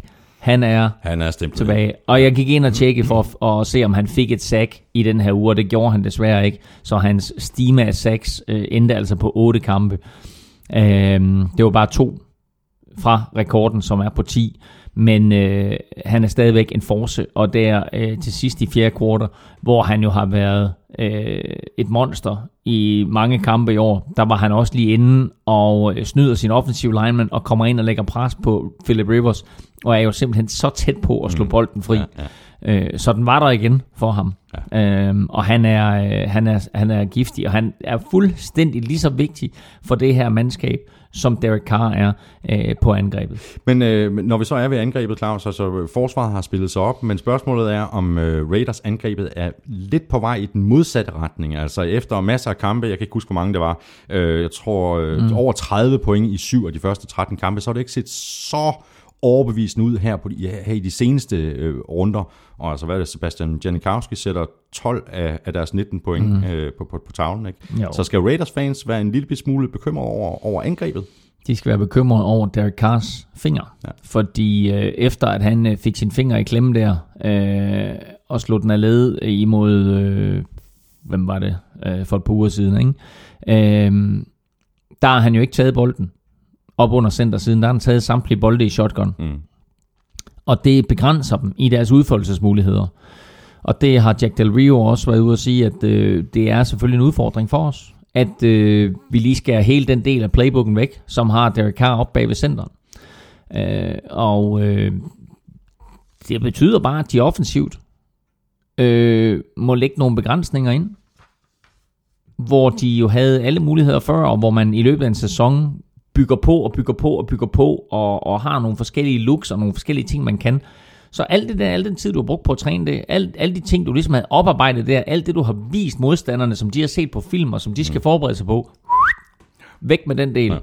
Ja. Øh, og så pludselig, så har du altså kun øh, nærmest et halvt angreb, som, øh, som du har kørt godt med. Og det, er- det er den udfordring, som Raiders har lige nu. Mm. Jeg synes ikke, der er, er der så store at sige til Chargers. Nej, Philip Rivers uh, spillede en noget bedre kamp end, end i forrige uge, hvor han kastede, hvad var det? Jeg kan ikke huske det. Fem interceptions. ja, det, han, han, spil, han spillede en rimelig kamp med uden at være prangende. Øh, og så jeg bare lige, jeg bare lige kaster han så sige, øh, interception med, med halvandet minut tilbage. Joey. Bosa, som vi har nævnt mange gange, ja. var tilbage, så hans øh, skade fra forrige uge var ikke så alvorlig. Øh, han er heller ikke valgt til Pro Bowl. Chargers, de er 5 og 9, de spiller ud mod Browns. Raiders er 11 og 3, og de tager imod Colts. Cowboys. Og så kan jeg lige sige, apropos Ronnie Hillman, så spiller han jo nu for Chargers, mm. øh, og havde faktisk syv carries for, for 34 yards, så et snit på lige under 5 yards, så så en okay kamp af ham, mm. men, øh, men, men stadigvæk ikke en running back, som vi taler om som sådan. Videre så til øh, Cowboys, der vandt med øh, 26-20 over Buccaneers, og hvis der var sådan en, øh, en lurende quarterback controversy i Dallas efter forrige uges øh, knap så gode præstation fra, fra Dak Prescott, så blev den øh, lukket efter den her kamp, hvor Prescott completed øh, lige omkring 89% af sin kast og løb bolden ind for touchdown mod et af de varmeste forsvar i ligaen. Øh, Prescott han kastede for 279 yards, dermed brød han så en stime på tre kampe med under 200 yards. Og man må bare sige, at det fungerer jo bedst for Dak Prescott og for, for Cowboys, når de går efter deres, øh, deres bread and butter. Ikke? Det er Jason Witten, det er Des Bryant, og det er Cole Beasley, og så selvfølgelig Ezekiel Elliott. Ja, og det er en rar kombination at have. Øh, og ud af de her øh, 32 completions, han havde, øh, du kan også sige, øh, ud af de 36, eller ej, lad os bare sige, ud af de 32 completions, han havde, der gik de 18, altså til Jason Witten og Des Bryant. Jason Witten greb 10 bolde, og øh, Des Bryant greb 8. Øh, og øh, det var alt sammen nogle øh, sådan forholdsvis korte til mellemdistance catches. Mm. Men det gav bare første downs, og det gav yards, og det flyttede bolden stille og roligt. Ja. Og øh, selvom Dak Prescott ikke kastede nogen, nogen touchdowns, så var det her med til at flytte bolden, øh, og så gav det ham muligheden for øh, selv at løbe touchdown ind, og det gav Ezekiel Elliott muligheden for at løbe touchdown ind. Kasper Brandt spørger, hvis uh, Zeke slipper for skader, hvordan ser I så hans muligheder for at snuppe en masse rekorder i karrieren? Ja, så man kan jo sige, at han er ved at snuppe øh, en af de allervigtigste. Uh, han, han mangler 258 løbeyards for at slå Eric Dickersons rookie-rekord på 1808 mm. yards. 258 yards. Han har to kampe Han til at gøre det, ikke? Lige nøjagtigt. Og øh, Du skal ikke kaste til mig. Jeg skal Nej. bare have bolden. ja, det skal bare feed me. Og det er Øh, altså, det er altså en, en rekord, der har stået i mange år. Det er helt tilbage fra øh, 83. 83, ja, 83. for Rams. Ja. Øh, og en øh, rekord, som vi har snakket, øh, sagt en del gange. Du får kun én chance for at stikke den. Du er kun rookie én gang. Ja. Så det er meget, meget sjældent, at den her rekord, den kommer i spil. Men den er i spil lige nu, Ja, det er den. og du har en af de bedste running backs i ligaen, bagved den bedste offensiv linje af den her rekord. Den, og ved du hvad, hvis vi står i spil uge 17, og han mangler x antal yards, øh, og Cowboys ligesom er sikre på, hvor de ender henne i seedningen. Så vil de gøre et nummer ud af det, det er der ikke nogen tvivl om. Det gør de. Og så hopper han op i øh, den der frelsens her bøtte igen. som han gjorde i, i sidste mm. spilrunde. Øh, Buccaneers, de, øh, de kæmpede flot, synes jeg egentlig. Øh, turnovers øh, blev dyre. Øh, Cowboys, de konverterede to af James øh, Winstons øh, turnovers til 10 point. Øh, en interception og et strip sack. Ja. Øh, og det er, hvad det er. Buccaneers kom tilbage i kampen. Øh, I fjerde kvartal. Altså i fjerde kvartal, der, der, der, der, der var nogle kampe i den her spilleuge, der havde angrebet bolden fire gange i anden halvleg. Lad os sige, det er normalt, du har den i en, en halvleg, det er måske 6 eller 7 gange. 8 gange måske. Buccaneers havde bolden fem gange i fjerde kvartal. Fem gange i fjerde kvartal. De fem gange, de endte i tre plays og et punt, tre plays og et punt, tre plays og et punt, tre plays og et punt og en interception. Alle fem gange kunne de have bragt sig foran. Mm. De fik fem chancer for at vinde den her kamp. Der har James Winston været skarpere, der har Box været skarpere, og der må vi bare igen tage hatten af for Cowboys forsvar. Det godt være, at vi snakker om Dak, og vi snakker om Ezekiel, men Sean Lee og company er i den grad øh, fløjet lidt under radaren, fordi alle har snakket om det her angreb og de her angrebsspillere. Det her forsvar kan være med til at vinde Super Bowl Mm. for Dallas Cowboys. Og nu, øh, nu har vi jo talt meget om, om turnover, så det er en af dine gamle øh, kæpheste, øh, som du jo førte mm. igennem på, på Zulu i, i tidernes morgen, ikke? at turnovers will kill you. Det er ikke Men min jo opfindelse. Nej, nej, det er godt klar over. øh, men øh, en ting er at lave turnovers, men modstanderholdet skal jo også forstå at udnytte muligheden. Og det mm. gjorde Cowboys jo her. De fik to scoringer. Buccaneers, de fik jo også en turnover. Mm. Og det var tre ud. Ja, det var det. Øh, og det var faktisk på et vigtigt tidspunkt også, hvor, hvor, hvor de også kunne have sat nogle point på tavlen, og, og, og øh, så vidt jeg husker, har bragt sig foran rent faktisk. Øh, og selvfølgelig er det det. Øh, og der drejer det sig om, at, at øh, i det øjeblik, at man får en turnover, at øh, man, har nogle, man har nogle plays lined op, som man ved fungerer, og som man lynhurtigt enten siger, okay, men nu kører vi et, et, et langt drive af, eller afhængig af, hvor man får bolden, eller vi har nogle plays, som vi satser på, og så siger, okay, lad os, prø- lad os prøve at lige slå en ekstra søm i kisten der, øh, og så sige, okay, vi fik en turnover, bum, så har vi scoret et eller to plays senere. Ikke? Mm. Altså, der er ikke noget værre øh, for, for et modstanderhold. Øh, og det havde, det havde Buccaneers ikke. Øh, det her, det var en stor kamp for Bucks. Titans slår Chiefs. Det var en stor kamp for dem. Andenårsspilleren Marcus Mariota fører sit hold tilbage. De vinder. De er stadigvæk med i slutspilsræset. De kan selv afgøre det. Box, det var en stor kamp for dem. Lige så stor scene. Ude mod Cowboys. Øh, hvis de vinder den kamp, så fuldstændig ligesom Titans, så etablerer de sig selv som et hold, som man skal regne med. Mm. Nu her er Buccaneers i den situation, at de ikke selv kan afgøre noget. Selvom de vinder de to sidste kampe, så er de ikke sikre på at komme mm. i slutspillet. Nej, fordi de er 8 og 6, og de spiller ude mod Saints. Cowboys de er 12 og 2, og de spiller hjemme Monday Night, og det gør de mod Lions.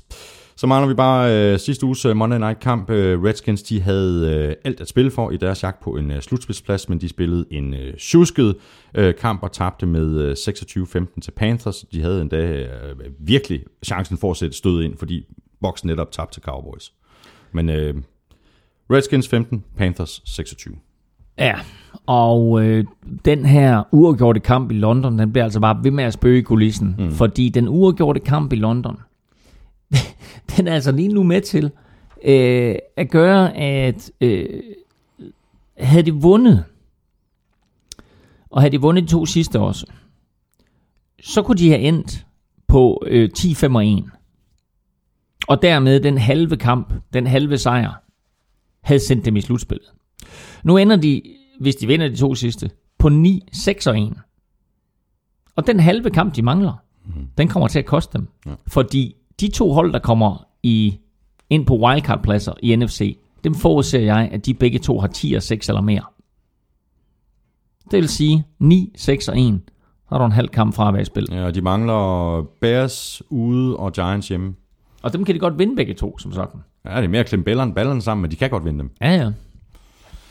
Ja, men øh, jeg tror, hvad, hvad, der, der, var, der var et lille slagsmål. Hvad, hvem var det? Det var Jordan Reed, der røg ud efter, han, han øh, slog en, en knytnæve i hovedet på øh, Kurt Coleman.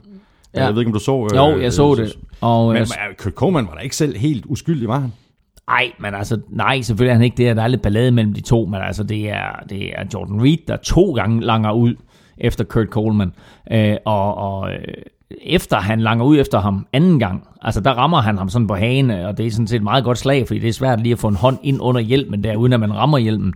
Og så stiller han sig op i sådan en helt boksepositur, mm. Jordan Reed, ikke? Altså så står han der og, og ligner en eller anden sværvægter, øh, fordi han er stor dreng jo, ikke? Øh, og han er, han er vel sagtens over 100 kilo, så ja, ja han må være sværvægter. Ikke engang let sværvægter. Men altså, øh, fly så- like a butterfly, sting like a bee, og Så så, u. og så er u. Øh, så han blev ikke nok outet, men, øh, eller det gjorde han på sin vis af dommerne. Mm. Øh, men Jake Ruden gjorde noget usædvanligt, og det var, at han rent faktisk skældte Jordan Reed ud på preskonferencen. Øh, og sagde, det der, det er utilstedeligt, og det skadede vores hold i aften. Mm. Og det gjorde det også, fordi Jordan Reed ikke var der. Og altså uden Jordan Reed, der er Kirk Cousins bare ikke den samme quarterback. Nej. En spiller, jeg vil nævne øh, fra Panthers, det er Jonathan Stewart. Han stiffarmede sig til øh, 132 yards på 25 løb. Han bliver 30 til næste år, så vidt jeg mm. husker. Det synes jeg ikke, man kan se. Han spillede en rigtig, rigtig god kamp, og øh, Panthers har vundet tre træk nu. Øh, og den måde, de spiller på, er ikke helt den måde, de vandt kampe på sidste år, men de er bare super effektive. Mm. Holder et high-flying Redskins angreb til 15 point. Sætter nok point på tavlen, og kunne da have sat flere, hvis ikke øh, Ted Ginn havde tabt et sikkert touchdown. Så øh, et Panthers hold, der har fundet sig selv alt, alt, alt for sent. Som sagt er 6 og 8, skal vinde de to sidste og stadigvæk have hjælp. Det virker næsten umuligt. Men i yderste instans, der er det i teorien øh, en mulighed. Det kommer ikke til at ske. Det er så, hvad det er. Øh, jeg vil fremhæve en anden, og det er Thomas Davis, som også er oppe i årene. Mm-hmm. Og øh, efter at han har været overset i mange år, så er han faktisk blevet valgt til Pro Bowl for andet år i træk. Og Panthers, de er øh, som sagt 6 og 8. De får besøg af Falcons. Redskins, de er 7, 6 og 1, og de spiller ude mod Bears. Det var det. Så kom vi igennem øh, u 15, og det betyder, at øh, du godt kan begynde at glæde dig, hvis du venter på spiltip fra Elming. Dem får du nemlig lige om lidt, ligesom du også får svar på øh, mine to quizzer og ugens bogstav i den øh, store bogstavleg fra Tafel, og så skal vi også have sat vores picks til uge 16. Lige her nu er det dit øh, momentometer, Claus. Jamen, øh, momentometeret øh, ligner fuldstændig sig selv i bunden, fordi det interessante ved øh, momentometeret i den her uge, det var faktisk, at, at øh, de, jeg tror, de seks eller de syv nederste overhovedet på mit momentometer, de tabte. Så de er selvfølgelig fuldstændig identiske med tidligere. Øh, I toppen skete der heller ikke så meget, fordi Patriots vandt, øh, men på anden og tredje pladsen, der har vi både Cowboys og Oakland Raiders, der ryger en tak op, så det hedder altså Patriots 1, Cowboys 2, Raiders 3. Falcons ryger to pladser op og ligger nu 4, og så ryger Kansas City Chiefs altså tre pladser ned, fordi de tabte. Øh, og så er det jo sådan lidt svært, altså det, det, det bliver sværere og sværere nu her at få plads til de forskellige hold. Så selvom jeg gerne vil have Tennessee Titans højere op, så ligger de altså kun som nummer 11. men stadigvæk med en, med en mulighed.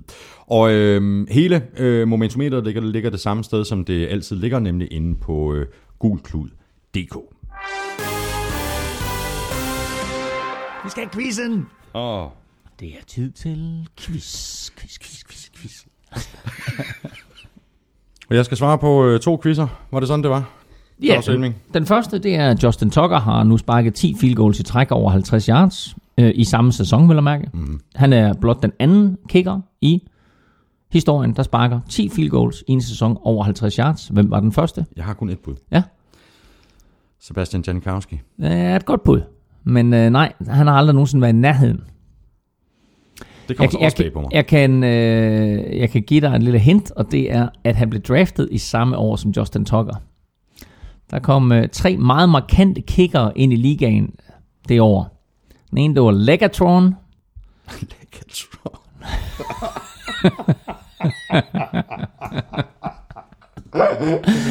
Legatron. Har du aldrig hørt den før? Nej, jeg faktisk ikke. øhm, og den anden, det var Justin Tucker. Og den tredje, det var The Blair Walsh Project. Jamen, så er det Legatron. Nej, det er sgu uh, Blair Walsh. Det er ikke rigtigt. Han sparkede 10 field goals i sin rookie-sæson over 50 yards. Og så gik det ned ad bakke. Ja, det gjorde det, men det startede jo sådan set for alvor der i, i slutspillet sidste år, ikke? Og nu er han så blevet fyret. Legatron. Hvem er det? Greg Sørlein fra, Okay. fra Rams. Ja, ja, ja. Legatron er god.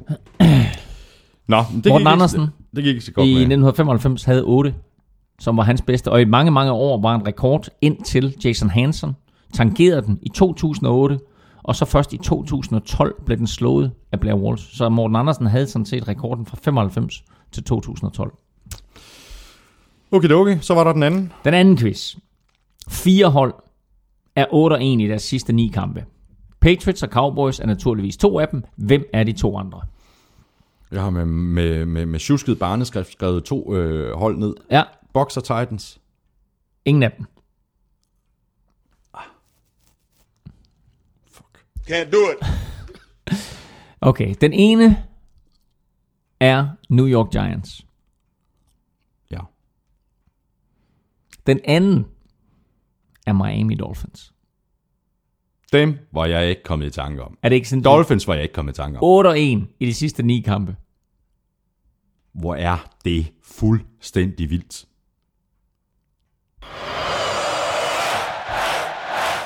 Det er vildt. Det er vildt. Nu skal vi øh, omkring oddset på Danske Spil, Claus. Øh, Yes. Du har nogle rigtig gode bud øh, til den kommende runde, det ved jeg. Men først der skal vi lige høre, hvordan det gik i øh, sidste uge. Og det gik faktisk rigtig godt. Men jeg skal så være... Nu kommer der en lille historie, ikke? fordi øh, jeg skal være ærlig at sige, at jeg missede de to første kampe, som du anbefalede. Det var en torsdagskamp og en lørdagskamp. Jeg fik u- uventet besøg fra, fra, fra, fra Frankrig, og så missede jeg det. Men det gjorde ikke så meget. Altså, Seahawks Rams, det var uafgjort til odds 40. Det, den gik Nå, ikke ja, hjem. ja, ja, ja. Den gik ikke hjem. Nej. Uh, Dolphins over Jets til odds 1,77. Den, den ville have været god at have haft. Ja. Ja, den havde jeg så ikke. Men så jeg måtte jo selv finde på nogle alternativer i søndags. Er det der, vi er nu? det er der, vi er nu. Jamen, det var ikke med vilje. Det var ikke med vilje. Kom nu her. Nej, nej, altså. Patriots over Broncos var på din anbefaling. Mm. Til odds 1,67. Lækkerier. Og så øh, de to, som jeg så selv hæver op af hatten, det var så Steelers over Bengals til odds 1,62. Hvor svært kan det være? Packers over Bears til odds 1,52. Og det betyder så øh, tre rigtige i, øh, i den spillerunde. Claus Elming 240 kroner plus de 1389, der stod der i forvejen, betyder så, at jeg er oppe på 1779 kroner. Det er jo så sådan nogle, øh, nogle penge, der går til Dansk Amerikansk Fodboldforbund, når sæsonen er over. Men, men tre rigtige, Claus, øh, det er jeg rigtig glad for. jeg kan da høre det sådan, jeg er blevet sat fra bestilling her, fordi der er der ingen grund til, at jeg kommer med, med tips fremover. øh, jeg havde faktisk en rigtig heldig hånd i sidste uge med, Ja, mine, du- med mine an, anbefalinger. Er du tosset, mand? Øh, Jeg, jeg så godt din, øh, din artikel, ikke? Og jeg, jeg talte faktisk med øh, en fyr inden for dansk spil forleden dag, øh, som sagde til mig, han var virkelig, virkelig træt af mig, fordi jeg havde anbefalet Garrett Blunt som første øh, touchdown-scorer Ja. i kampen mellem Patriots og Broncos til odds 7. Og den holdt jo. Ja. Det var han ikke tilfreds med. Så han sagde, at der var en del spillere, der havde fulgt det. Det havde kostet dem lidt penge. Ærgerligt, ærgerligt. Øhm, I den her uge, jeg synes, vi starter allerede torsdag nat. Eagles hjemme mod Giants. Eagles har faktisk set godt ud, men at Giants øh, kan altså selv afgøre det her.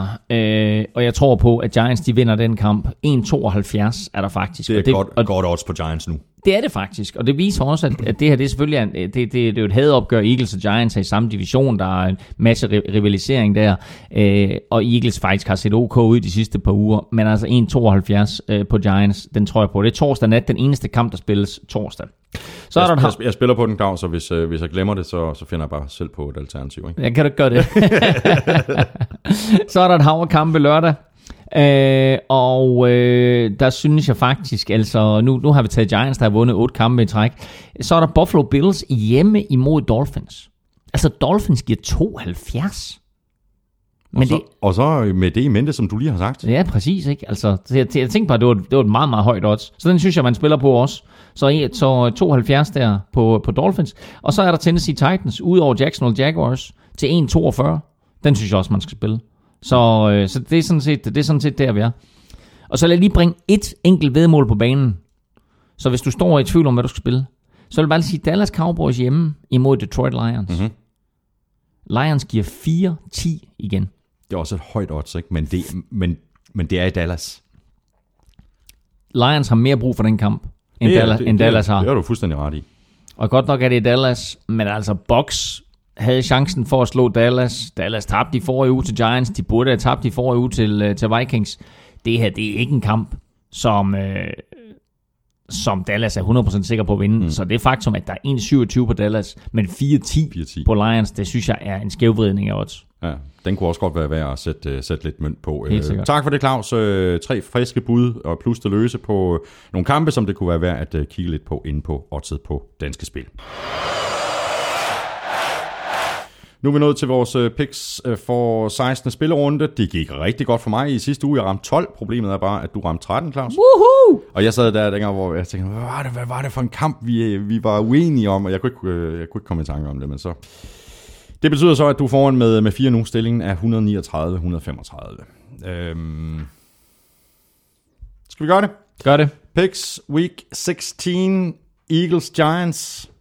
Giants. Giants. Bills, Dolphins. Dolphins. Bills. Tager du Bills? Ja.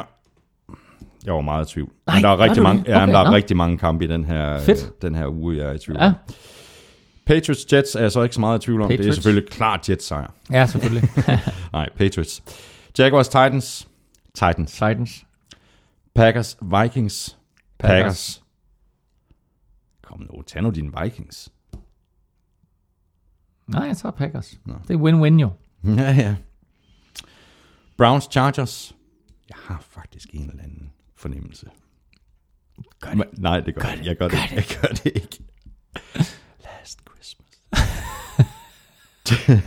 Nej, Chargers. Chargers. Bears Redskins. Interesting her. Jeg siger Bears. Jeg siger også Bears. Det er ikke rigtigt. det er rigtigt. Hvor er det crazy. Panthers. Panthers. Panthers. Falcons. Også- Falcons. Ja, jeg siger også Falcons. Raiders Colts. Den er ikke nem. Nej, det er den ikke. Jeg siger Raiders. Ja, jeg siger også Raiders. På grund af, på grund af hjemmebane. Ja. Saints. Buccaneers. Heller ikke nem. Jeg har taget box. Ja, jeg siger Saints. Okay. Uh, Seahawks Cardinals. Divisional. Seahawks. Jamen, jeg siger også Seahawks.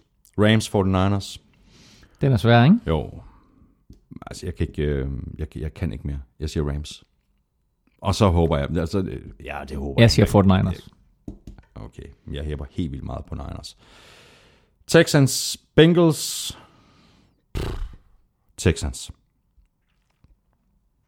Den er også mega svær, ikke? Ja, det er den. Nå, jeg siger også Texans. Steelers, Ravens. Steelers. Steelers. Ja. Chiefs, Broncos. Også en sjov en, ikke?